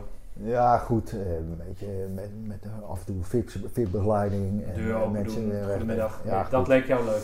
Nou, toen, toen wel. Maar ik kwam na een jaar achter dat ik het eigenlijk niet zo leuk vond. Maar hoe kan je nou zeg maar, nou niet zo'n tweede fout maken? Want dat, dat eerste, hè, met die, na de KVV, daar kon jij niks aan doen. Maar Nee. als je het dan zo verdomd naar je zin hebt, dan moet je natuurlijk die adjudantsfunctie, dat snap ik. Ja, Maar waarom verlaat je dan het, waarom, als je dat als thuiskomen voelt? En natuurlijk gaat er een periode overheen. En natuurlijk wordt je privé natuurlijk is anders met de invulling Ja. van de kleine en Ja. het verhuizingen. Ja. Maar waarom, waarom kies je dan zeg maar zo, zo blind voor iets wat, wat achteraf natuurlijk de koe in de kont kijken, maar ja. zo blind voor, nou voor, iets waar, wat helemaal niet bij dat ding past van lekker Nou ja, er waren, groep ah, werken. er en- waren een hoop collega's ook toen de tijd die overstapten naar DKDB en al dat soort eh, in de beveiligingswereld op allerlei fronten. En ja, dit was een, een, een baan in de beveiliging waarbij je dus lui die een, best wel een behoorlijk risico lopen op allerlei dingen, carjacking of eh, nou goed, noem het maar op. Eh, eh, eh, ja, de verdiensten waren natuurlijk goed. De verdiensten waren goed. Ja, maar is dat Het dan was- twee keer zoveel als dat je, dat je in dienst nou, dat niet, maar het was wel, was wel redelijk betaald. Het was in de buurt, de Praschaat. Het is ja, eh ja, oké. 20 ja, dat zijn natuurlijk allemaal dingen die. Dus dat telde allemaal best wel mee. En ik kreeg daar ook wel een functie waarvan ik zeg van ja, kon daar mijn eigen dingetje een beetje regelen. Dus, dus ja, dat overwegende, denk ik van nou, en een stukje onrust van mezelf, eerst iets nieuws gaan doen. Weet je, ik had bij het KST best wel weer wat dingetjes gedaan. Ja, weet je wat, ik ga dat, ga dat er wel eens doen. En daar denk ik dan op zich nog niet eens zo heel lang over na. Ik had wel die dingetjes afgewogen. Maar je vrouw was er blij mee dat je dat, je die, dat, je dat eh, durfde nou te ja, kijk, zij zei van, eh, weet je, als jij denkt, eh, dan moet je dat doen. En uiteindelijk vindt, vond zij dat natuurlijk ook wel min of meer wel prettig, omdat we dan Ja. konden blijven wonen. En dat ik ook regelmatig thuis was. Eh, dus, eh, nou ja, goed. Dus dat heb ik uiteindelijk wel gedaan. En wat ik al net al aangaf, ja, achteraf vond ik het blijkbaar niet zo leuk. Want, Maar eh, heb je daar dan op een gegeven moment spijt van dat je dan weg bent gegaan bij het korps? Of is het gewoon meer dat je baalt dat er, dat er geen leuk werk is? Want er komt natuurlijk wel wat voor in de plaats, want je, je, je verpand je natuurlijk, of je, je, eh, je familie is jou dan zo heilig dat je daar meer, dan wil, van, eh, meer voor wil doen dan alleen je salaris laten storten op de rekening. Toch? ja, Dus je geeft wel aan je vrouw aan, het, het niet zoals je vaak hoort. Ik wil niks missen. Ik ben de hele tijd in het buitenland. Ja, dat ik nog een familie heb, eh, dat is even kut. Maar dit is mijn werk. Jij bent bereid om... Toch? Dat, Nee, goed, is dat goed. zo? Moet ik dat Zij- zo zien? Zij waren bereid om voor mij, toen Ja, ik terug naar toch niks te zeggen? Of had hij op zijn Nee, tweede al... eh oké. Pa, moet luisteren, ik weet het niet. Nou, nou goed, dat, dat weet ik niet. In zo'n klein kopje kan je niet kijken. Nee, maar goed, ze hebben wel de, de moeite genomen om Ja. vanaf daar Ja, eh, eh, iets wat ik wilde invulling aan te geven. Eh, eh, dus het leek mij ook uiteindelijk niet zo chic om dan te zeggen van nou, Nee, oké, dan ga ik daarna weer eh, pleiten en jullie Wacht, zitten na een jaar zeg jij dus van kut, het is niks. Ja, En dan? ja, en dan? Dan, dan, was het, dan was het even stil. Nee, ik, ik, ik had het daar, daar niet naar mijn zin. Ik, ik, ik vond dat het was voor mij te statisch. Dat lijkt mij ook, ja. En, ehm, Als jij dan vertelt hoe Ja. jij dan in dat, in dat Ja. ding zit, hè? ja, Dan ja, kan ik me niet voorstellen dat je dat dan... ja. Nou ja, maakt. En, en, en ik werkte heel vaak alleen. Ja. Terwijl jij zo van die groepen houdt. En ik, ik ben van de groepen, maar ik ben ook van in teams werken en Ja. met elkaar wat doen. En met, en, eh, dus ja, eh, toen ben ik gaan overwegen, oké, wat ga ik nu doen? En, eh, toen kwam ik eigenlijk bij iemand die mijn oude bedrijf had overgenomen. Van mijn neef toen, want ik was toen net al weg.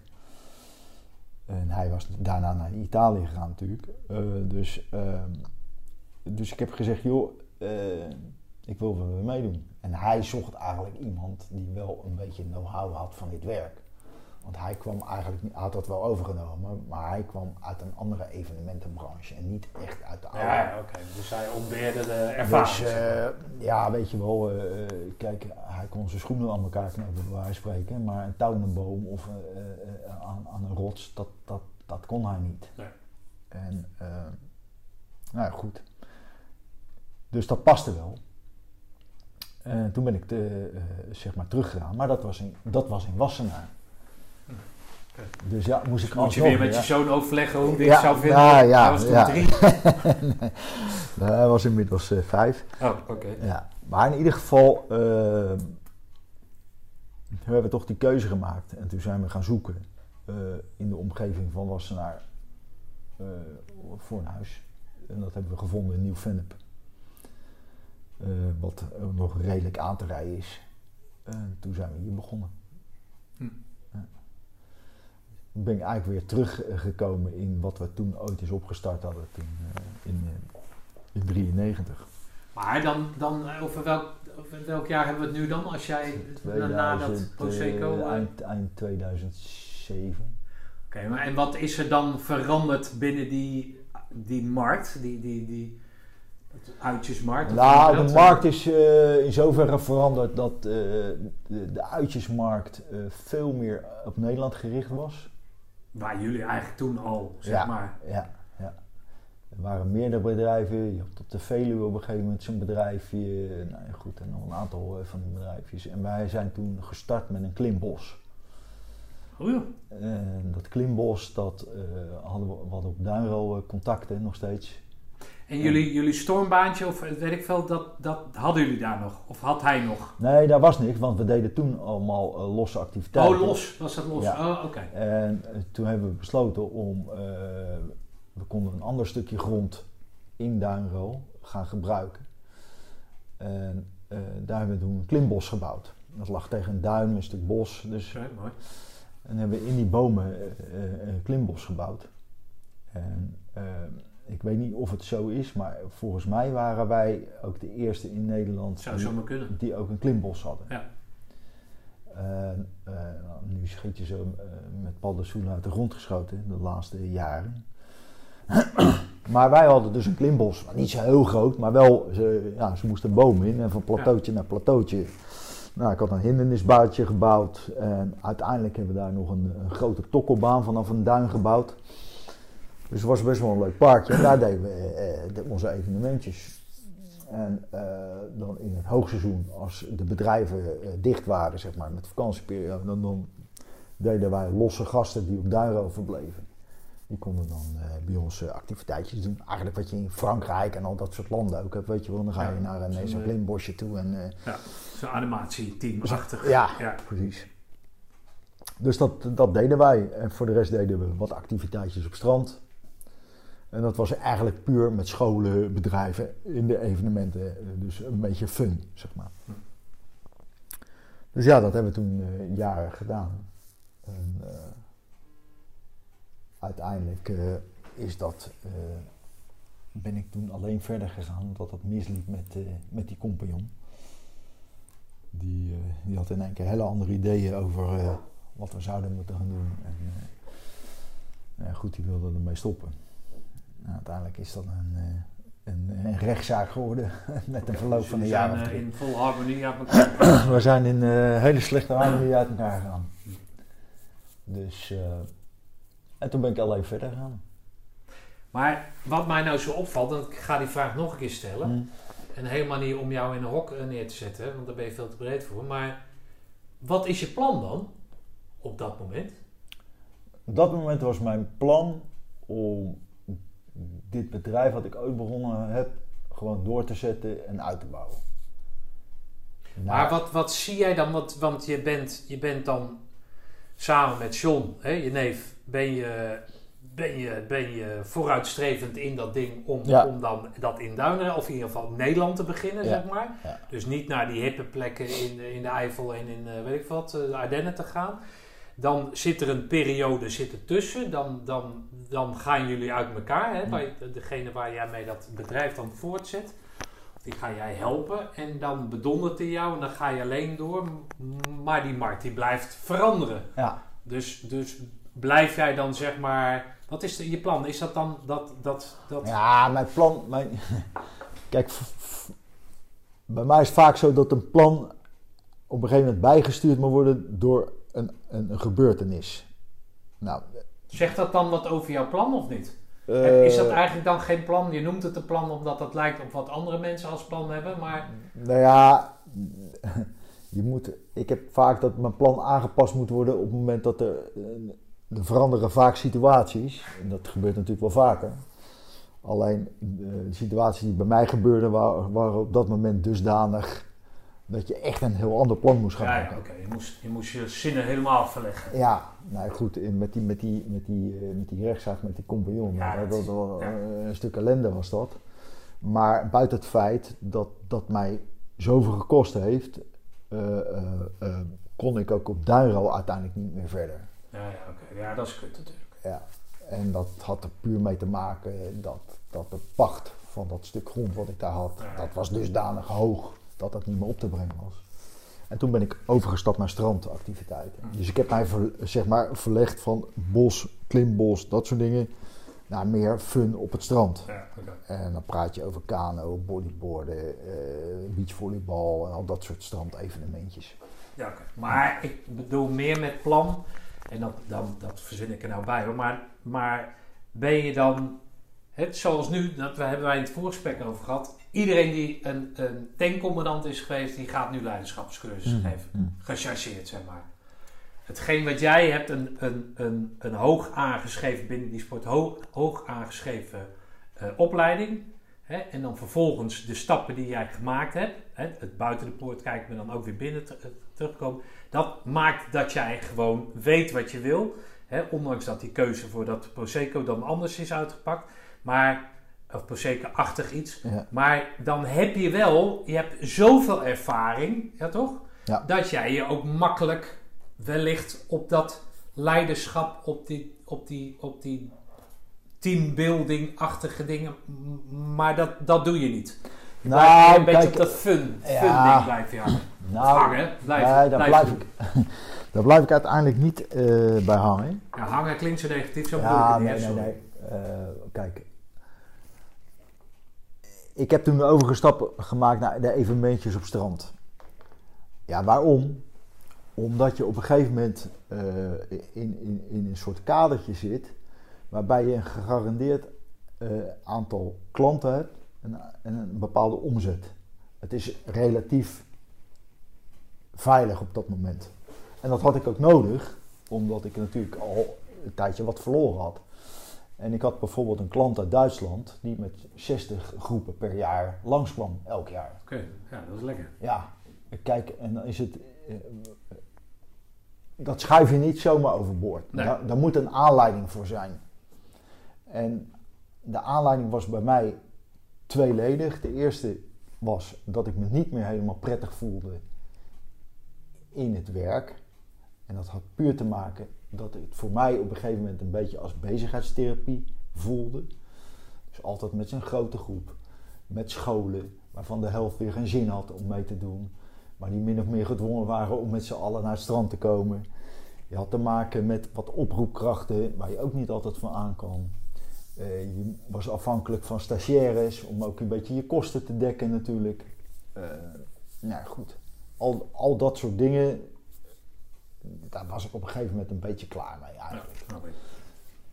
Maar je neemt dan niet de stap om gelijk het helemaal over te Nee, natuurlijk ik niet. had- Als je 60 dingen hebt, dan, dan, ga- Ja, dan doe je dat niet. ik, en ik had dat ook nodig. Ja, tuurlijk. Snap je? Dus, eh, eh, en de aanleiding eh, die ik net noemde was dat ik het op een gegeven moment niet meer zo leuk vond. Maar de tweede aanleiding was corona, heel simpel. Ja. Dat was natuurlijk een, een enorme schok dat dat kwam. Oh ja, en als jij zegt dat je plan door een gebeurtenis, dan snap ik dat corona... Ja, daar had niemand een plan voor. Nee, toch? en daar hebben we het begin van het gesprek natuurlijk over gehad. Wat, Ja. wat deed dat met je? Nou ja, daar heb ik even over moeten nadenken. Ja. Want mijn agenda was van de een op de andere dag leeg. Ja. Eh, nou, dat heb ik eh, tussentijds ingevuld met allerlei andere klusjes te doen om toch eh, die boterham binnen te halen. Maar het heeft ook dingen opgeleverd. Dus eh, eh, ieder nadeel heeft zijn voordeel, weet je wat de Cruijff altijd zei. Was in dit geval eigenlijk ook een beetje zo.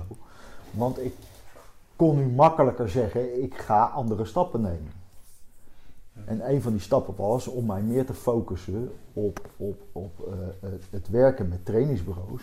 Waarbij mijn expertise als, als outdoor eh, ingezet kon worden training. Dus meer het ervaren leren. En dan kom je op iets wat ik, wat ik leuk vind om te doen. En dat, dat leerelement om mensen iets mee te geven. En als ik daar iets voor kan gebruiken waar ik me uit in thuis voel. Bijvoorbeeld outdoor. En dat in samenwerking doen met, met, met, met verschillende bureaus die mensen ook iets willen leren en dan in een setting buiten dat kunnen verduidelijken. Ja, dan is dat mooi natuurlijk. Ja. En die stap was nu makkelijker te maken. En daar had ik natuurlijk ook wel con- contacten, want ik had met een aantal trainingsbureaus waar ik al wat mee samen deed al in het verleden. Die heb ik natuurlijk strakker aangehaald. Maar ik liep bijvoorbeeld ook aan eh, tegen, eh, is inmiddels alweer twee jaar geleden denk ik, tegen Otto van Wiggen. Ja, en die heeft ook een bureau, Mission Command. van de oude eh, CKST, brigade-generaal, uitgestroomd bij Defensie. En voor zichzelf begonnen samen met Paul Smit met het bedrijfje Mission Command. Ja, en die zetten eh, eh, trainingen weg eh, in de filosofie van Mission Command, waarbij dat, dat ervarend leren mooi aansluit. Nou goed, ik kwam, Otto had mij ooit een keer gezien op de Commando Business Club, mijn LinkedIn teruggevonden. En, ja, die zocht iemand die die outdoor voor hem weg kon zetten. Nou, dat hebben we toen gedaan en dat, ja, dat, dat, klikt, dat, dat gaat goed en dat, eh, dat, eh, dat sluit aan bij hun programma. En, eh, en het werkt ook goed samen.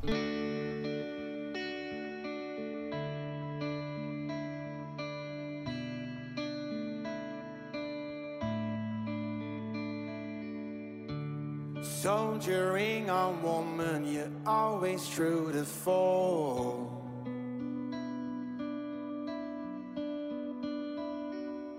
Just keep on pushing your shopping cart through the storm. Most people buy it, but you feel it's one that we can no longer afford. You stop believing in our story. You say it's way too short.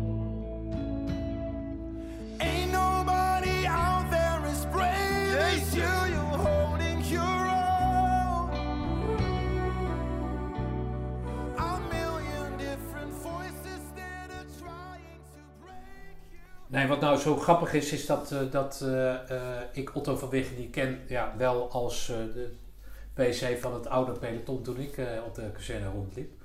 Maar dat hij hoog gerespecteerd wordt in, die, in deze wereld, weet je wel, dat, dat, is natuurlijk, dat is natuurlijk een feit. Ja.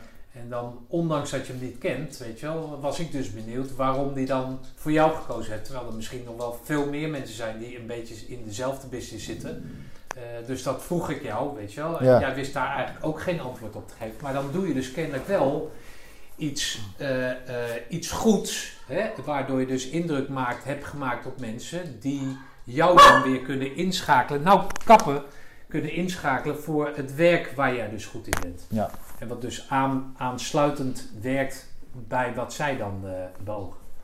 Nou ja, goed, kijk, op het moment dat, dat hij aangeeft van ik wil dat en dat ongeveer zien in een training, dan ben ik in staat om te zeggen van nou, oké, dan gaan we dat en dat neerzetten. En eh, het tweede voordeel is dat ze daar dan niet naar hoeven om te kijken, want ze weten het is geregeld. Ja. En dat staat op die manier klaar. Het, eh, het, het tweede aspect is dat ik vanuit mijn ervaring en eh, met een andere kijk van een andere kant eh, eh, zeg maar feedback kan geven op wat er daar gebeurt. Eh, wat ehm, ja, aanvullend is eigenlijk op wat hun zeg maar Voor ogen hebben. voor ogen hebben. Dat, die feedback kan ik dan ook geven. Hm. En dat sluit op een of andere manier ook mooi aan. Ja. Dus niet alleen dat, dat hun weten van oké, is- er staat een opdracht straks klaar die aansluit met wat wij voor ogen hebben. Eh, het tweede punt is, het staat ook dusdanig klaar dat we er niet naar om hoeven te kijken. Ja. Het staat klaar en het wordt er weggehaald. En als derde punt is dat er extra feedback komt over wat ik zie eh, als buitenstaander. En ik dat aan zo'n groep kan vertellen. En die dat dan ook zien van hé, hey, maar er is een buitenstaander die ook nog op die manier kijkt. Ja. En daar kunnen wij ook nog wat mee. Daarnaast doe jij eh, dingen bij de harde leerschool, hè? Je hebt aangegeven dat, eh, eh, dat eh, Ron Aartsen, Ja. dat je daar eerder mee gewerkt hebt. Dat is dan eigenlijk op zo'nzelfde soort basis. Weten wat je van, van elkaar kan verwachten. niet al te veel woorden nodig hebben om... Of zie ik dat verkeerd? Ja. Nou, ik denk dat dat wel de basis is van hoe de meeste jongens samenwerken met een achtergrond als wij hebben. Dus dat is dat je weet van elkaar van oké, eh, eh, als ik iets vraag of er moet iets geregeld worden, dan wordt het op die manier geregeld. Daar hoef ik niet over na te, na te denken en ik hoef er ook niet te controleren, zeg maar. Ja. Dus dat, dat is al fijn werken. En eh, ja, goed, Ron kende ik dan vi- via, omdat ik met Otto eh, samengewerkt heb en hij daar ook af en toe wat, eh, wat dingen deed of doet. Ja, zijn we met die harde leerschool, waar hij ook voor werkte, eh, ja, is dat niks voor jou, vroeg hij toen. Hm. En ze hadden daar iemand nodig. Dus toen ben ik daarna weer met Ed Oskamp gaan praten. Nou ja, goed. Weet je wel, je voelt elkaar toch op een of andere Ja. manier snel aan. En Ja, wat, wat, is het dan wat er wel meer gebezigd wordt in deze podcast, maar ook in al die andere programma's? Is dat het in principe niet uitmaakt waar je vandaan komt, of je elkaar kent of niet, als jij in diezelfde handel zit zoals nou, Ed Oskam, eh, Otto van Wig, Ja. eh dat je elkaar aanvoelt, datzelfde hout gesneden, dan komt het wel goed. Ja. En dat blijkt dan dat het vaak goed Ja. komt. Nou ja, vaak, kijk, ik zal niet zeggen altijd. Maar eh, eh, eh, inderdaad, waar we het al over gehad hebben, is zo'n basis die gelegd, gelegd wordt, weet je wel, in zo'n. VOE-show. En of dat nou 40 jaar geleden is, 20 jaar geleden of vorige week bij wijze van spreken. Dat, die basisopleiding, die blijkbaar is dat een bepaald level waar we ons allemaal een beetje aan kunnen meten. Hm. En ik merk het ook met, met jongens die, die ik later tegenkom, die ik zelf niet ken, of, maar die wel de opleiding hebben gedaan, dat je toch gauwer of sneller een, een klik hebt en dat je toch sneller met elkaar dingen eh, oppakt. Ja, Dus nou ja, dat, dat is dan in een werksituatie, maar zeker in een werksituatie waarin we nu dus, of jullie toch allemaal zuinig moeten zijn op het werk wat er is, omdat er niet veel werk is, Ja. is dat toch belangrijk dat je toch ten alle tijde op elkaar kan vertrouwen. Ja, ja. Ja, want hoe ziet die toekomst, hoe zie jij dan de toekomst? Hè, dan niet van eh, eh, COVID, en- maar hoe, hoe, zie, hoe zie jij de toekomst eh, nu in deze rode tijden? Hou eens op, Toet. Wat, wat, eh, wat zijn dat voor commando's die... eh, Maar goed, we werden even gestoord. Dan heb jij maar twee woorden nodig en die hele gemeenschap stil, eh, die valt hier stil. Ja, je hebt het of je hebt het niet, zeg ik altijd. Ja, toch? maar. Maar ehm, in deze tijd, met, met of je nou mensen bij je hebt die je wel of niet begrijpt met één of twee woorden. eh, hoe zie jij dan, he- he- heb je deze keer wel een plan? Nee, maar hoe, hoe zie je dan, hoe zie je toekomst? Nou, ik zie mijn toekomst dat ik eigenlijk eh, ehm, in die trainingswereld meer verder ga. Omdat ik denk... Dat is één op één dan of zo? Dat je, Nee, nee, nee. nee is dat co- coaching of is dat... Is dat ook wat, coaching, wat bedoel je met trainingswereld dan? Wat is dat dan? Teamtrainingen. Oh, teamtraining. Ja. Dus, eh, dus eh, met groepen iets doen om, Ja. om, om zeg maar elkaar beter te maken. En of dat dan in een bedrijfssetting is of in een andere setting. Of mensen die eh, los bij elkaar komen en iets willen leren, dat, dat, eh, dat, is, dat maakt dan niet uit. Maar het kan ook zijn coaching één op één. Ehm, ja, en, met, met, en het liefst gebruik ik dan de outdoor om mensen eh, buiten te krijgen. Eh, dat kan ook met coaching. Je gaat gewoon naar buiten toe en je gaat buiten iets doen op een verrassende locatie. Ja. En je kan hier tegenover elkaar gaan zitten. En we kunnen ook zeggen, we pakken twee klapstoelen en we gaan boven op een duin naar de zee zitten kijken. Ja, dan komen ze toch weer ergens anders uit. Ja. Of oh, je zoekt een andere verrassende locatie op om mensen in beweging te krijgen. Zowel eh, verbaal, zeg maar, maar ook groepen om fys- fysiek te- wat, te- wat te laten doen. En, ehm, dus die trainingswereld die spreekt me eh, enorm aan. En met name ook ja, van eh, mensen begeleiden, beter maken. Eh, hoe kunnen we dat met elkaar doen?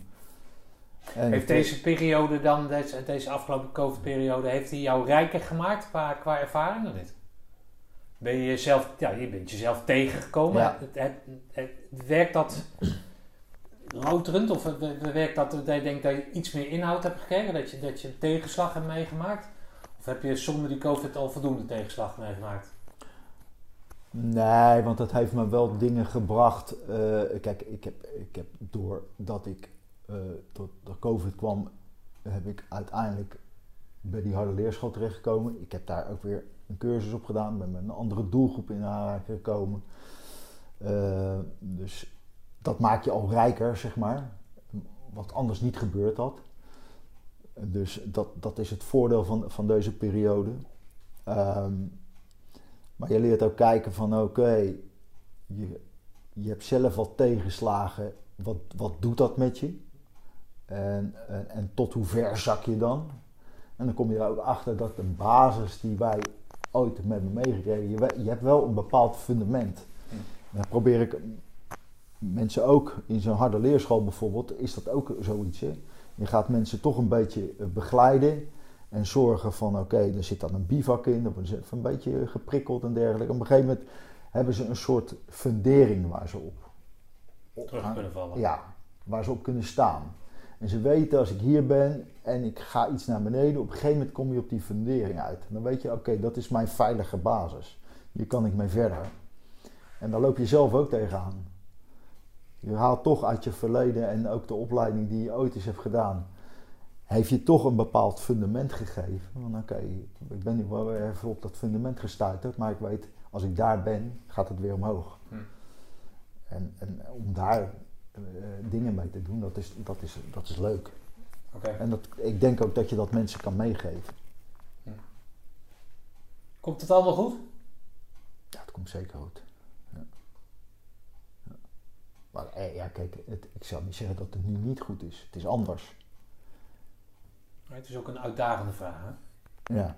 Dus, ehm, dus ik denk, op het moment dat je dus weer wat naar beneden bent gezakt, ja, het gaat altijd weer omhoog. Het is altijd een golfbeweging. En eh, ik denk dat je van dat, dat, dat dal weer gebruik moet maken om, om daar weer punten mee te nemen, om die, vervol- die, die weg omhoog zeg maar weer mooier te maken. Jij gaf het net al aan, hè, dat je, dat je in, die, in die harde leerschool hè, dingen verwerkt die je zelf zeg maar, uit die ECO hebt geput of uit die opleiding hebt geput. Ehm, wat, ondanks dat, je, dat ik al voel en weet eigenlijk al, ik hoef de vraag niet te stellen, maar wat, wat is nou het belangrijkste aan dat groene beret halen voor jou geweest? Wat, wat, voor jouw leven? Wat, wat, wat, je dat eens aangeven? Nou, het eerste punt heb ik eigenlijk net aangehaald. Dus je, je, je legt een bepaald fundament waar je de rest van je leven eh, iets mee kan, zeg maar. Dat je weet, oké, daar ligt mijn, mijn, mijn, mijn, bodemplaats, zeg maar. Dus dat, dat is al een, een, een- eigenlijk een geruststellende gedachte. Je weet, je kan altijd naar beneden stuiten, maar kom altijd op dat fundament ergens uit. Waardoor ik weer kan zeggen van, hé, hey, weet je nog toen? Doorgaan, die kant op. Dus dat is één. Het tweede heeft me heel veel opgeleverd dat ik zoveel mensen heb leren kennen in die periode. Best wel ja, belangrijke periodes in mijn leven. Waar ik nu, nu en dan, zeg maar de vruchten van pluk. Is dat niet met een connectie? Is dat weer iemand die ik kan helpen? Of die persoon die mij kan helpen? Eh, Ja, goed. Het is toch een, een soort rode draad door je leven heen. Eh, die, die continu weer terugkomt. Hm. En eh, dan moet je niet altijd naar achter eh, kijken. Je moet na- natuurlijk ook naar voren kijken. Maar het is altijd wel fijn als je weet van hé, eh, maar ik kan altijd ergens op terugvallen. Hm. En dat kan een persoon zijn die je hebt meegemaakt in, in die periode. Maar het kan ook gewoon zijn de situatie, je fundamentje. Nou, eh, heb jij natuurlijk dan, eh, nou wellicht misschien wel honderden, duizenden van die kerels uit welke gevechtscursus, ACO of wat dan ook door je handen gehad. Hè? Ehm, je geeft aan dat er veel connecties zijn, dat je daar hè, je Ja. voordelen van hebt en dat zij voordelen voor jou hebben, weet ik wat. Maar jouw, jouw maat, hè, jouw vrouw, Ja. Als ik die zou vragen wat er zo leuk aan, eh, aan, eh, aan Egbert is, wat, wat, wat, wat gaat zij eh, daarover zeggen dan? Ja, dat is goeie. nou ja, goed. Ik, Behalve woest aantrekkelijk, Ja, uiteraard. goede danser. Ja. Nou, ook dat, dat sowieso. ja, dat- goede danser, ja. Ja, Ja, goede want je hebt twee keer aangehaald dat dat feest, dat dat dansen is. Voor jou is feest dansen. Ja, daar ben ik wel van. Ja, Oké, maar de- je kan dus goed dansen. ja dat, dat denk ik wel. Dat zeggen ze tenminste al. Oké. Ze noemden me vroeger Fred Ster. Wat verdomme, we hebben niet zomaar met iemand te maken. Oké, vergeet de ster wel. Nee, maar goed. eh, ik, ik, ja, ik denk dat ik eh, eh, zeg maar sowieso een loyaal type ben, zeg maar. Maar dat denk, dat denkt, dat, zij zegt dat, hè? Ja. Dus jij bent er niet. Denk, praat vrij uit. Dat, wat voor kerels die echt hè? Ja, iemand die, eh, die, die het avontuur opzoekt. eh, die, eh, die, die ja, toch probeert le- leuke di- dingen op te zoeken. Die betrokken is. Ehm, beschermend is. Lo- loyaal, wat ik al zei. eh, en eh, ja, ik probeer ook af en toe lief te zijn. Ja, want je hebt niet een hele harde uitstraling, hè? Daar doe je ook helemaal niet je best voor. Nee, Nee, dat hoeft ook niet. Maar dat, volgens dat, mij niet. Nee. Nee.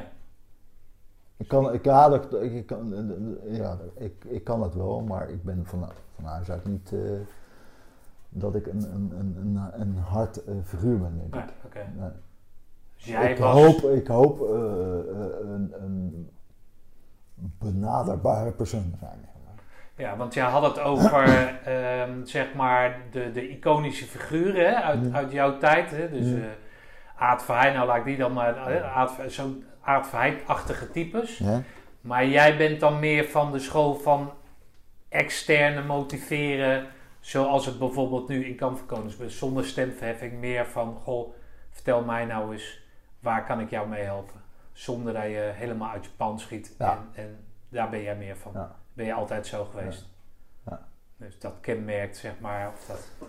Ja, dat denk ik, dat denk ik wel. Ik kan wel, eh, eh, ehm, ik weet wel momenten te kiezen waar, waarvan ik denk, nu, nu moet ik gewoon even, eh, zeg maar, de, de bottenbijl erin eh, zetten. En, en dat lukt dan ook. Eh, die rol kan ik prima spelen. Eh, alleen ik denk niet dat je, eh, dat, het, dat je een doel bereikt door continu die rol aan te nemen. Zo zit ik niet in elkaar. want Dan blijkt het dus, dan wordt het dus continu een rol wat ik aan het spelen ben. Ja. Eh, dus dat werkt niet. Eh, eh, dus daar moet ik mijn momenten voor kiezen. Maar ik ben meer een figuur van: oké, kom nou eens even hier. Weet je wel, ook al is het een cursist bij wijze van spreken. En kom nou eens even hier. Leg uit. Probeer het nou zo en zo. In plaats van iemand gelijk met zijn schenen af te, te zagen. Ja.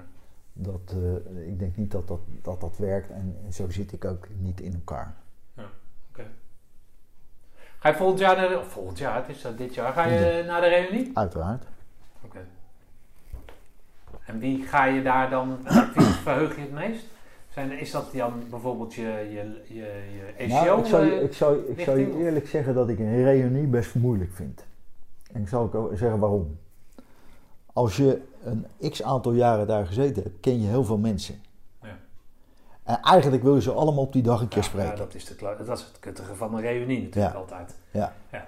En als dat met je peloton is, je eigen groepje, dan is dat te behappen, want die staan nog bij elkaar. Ja.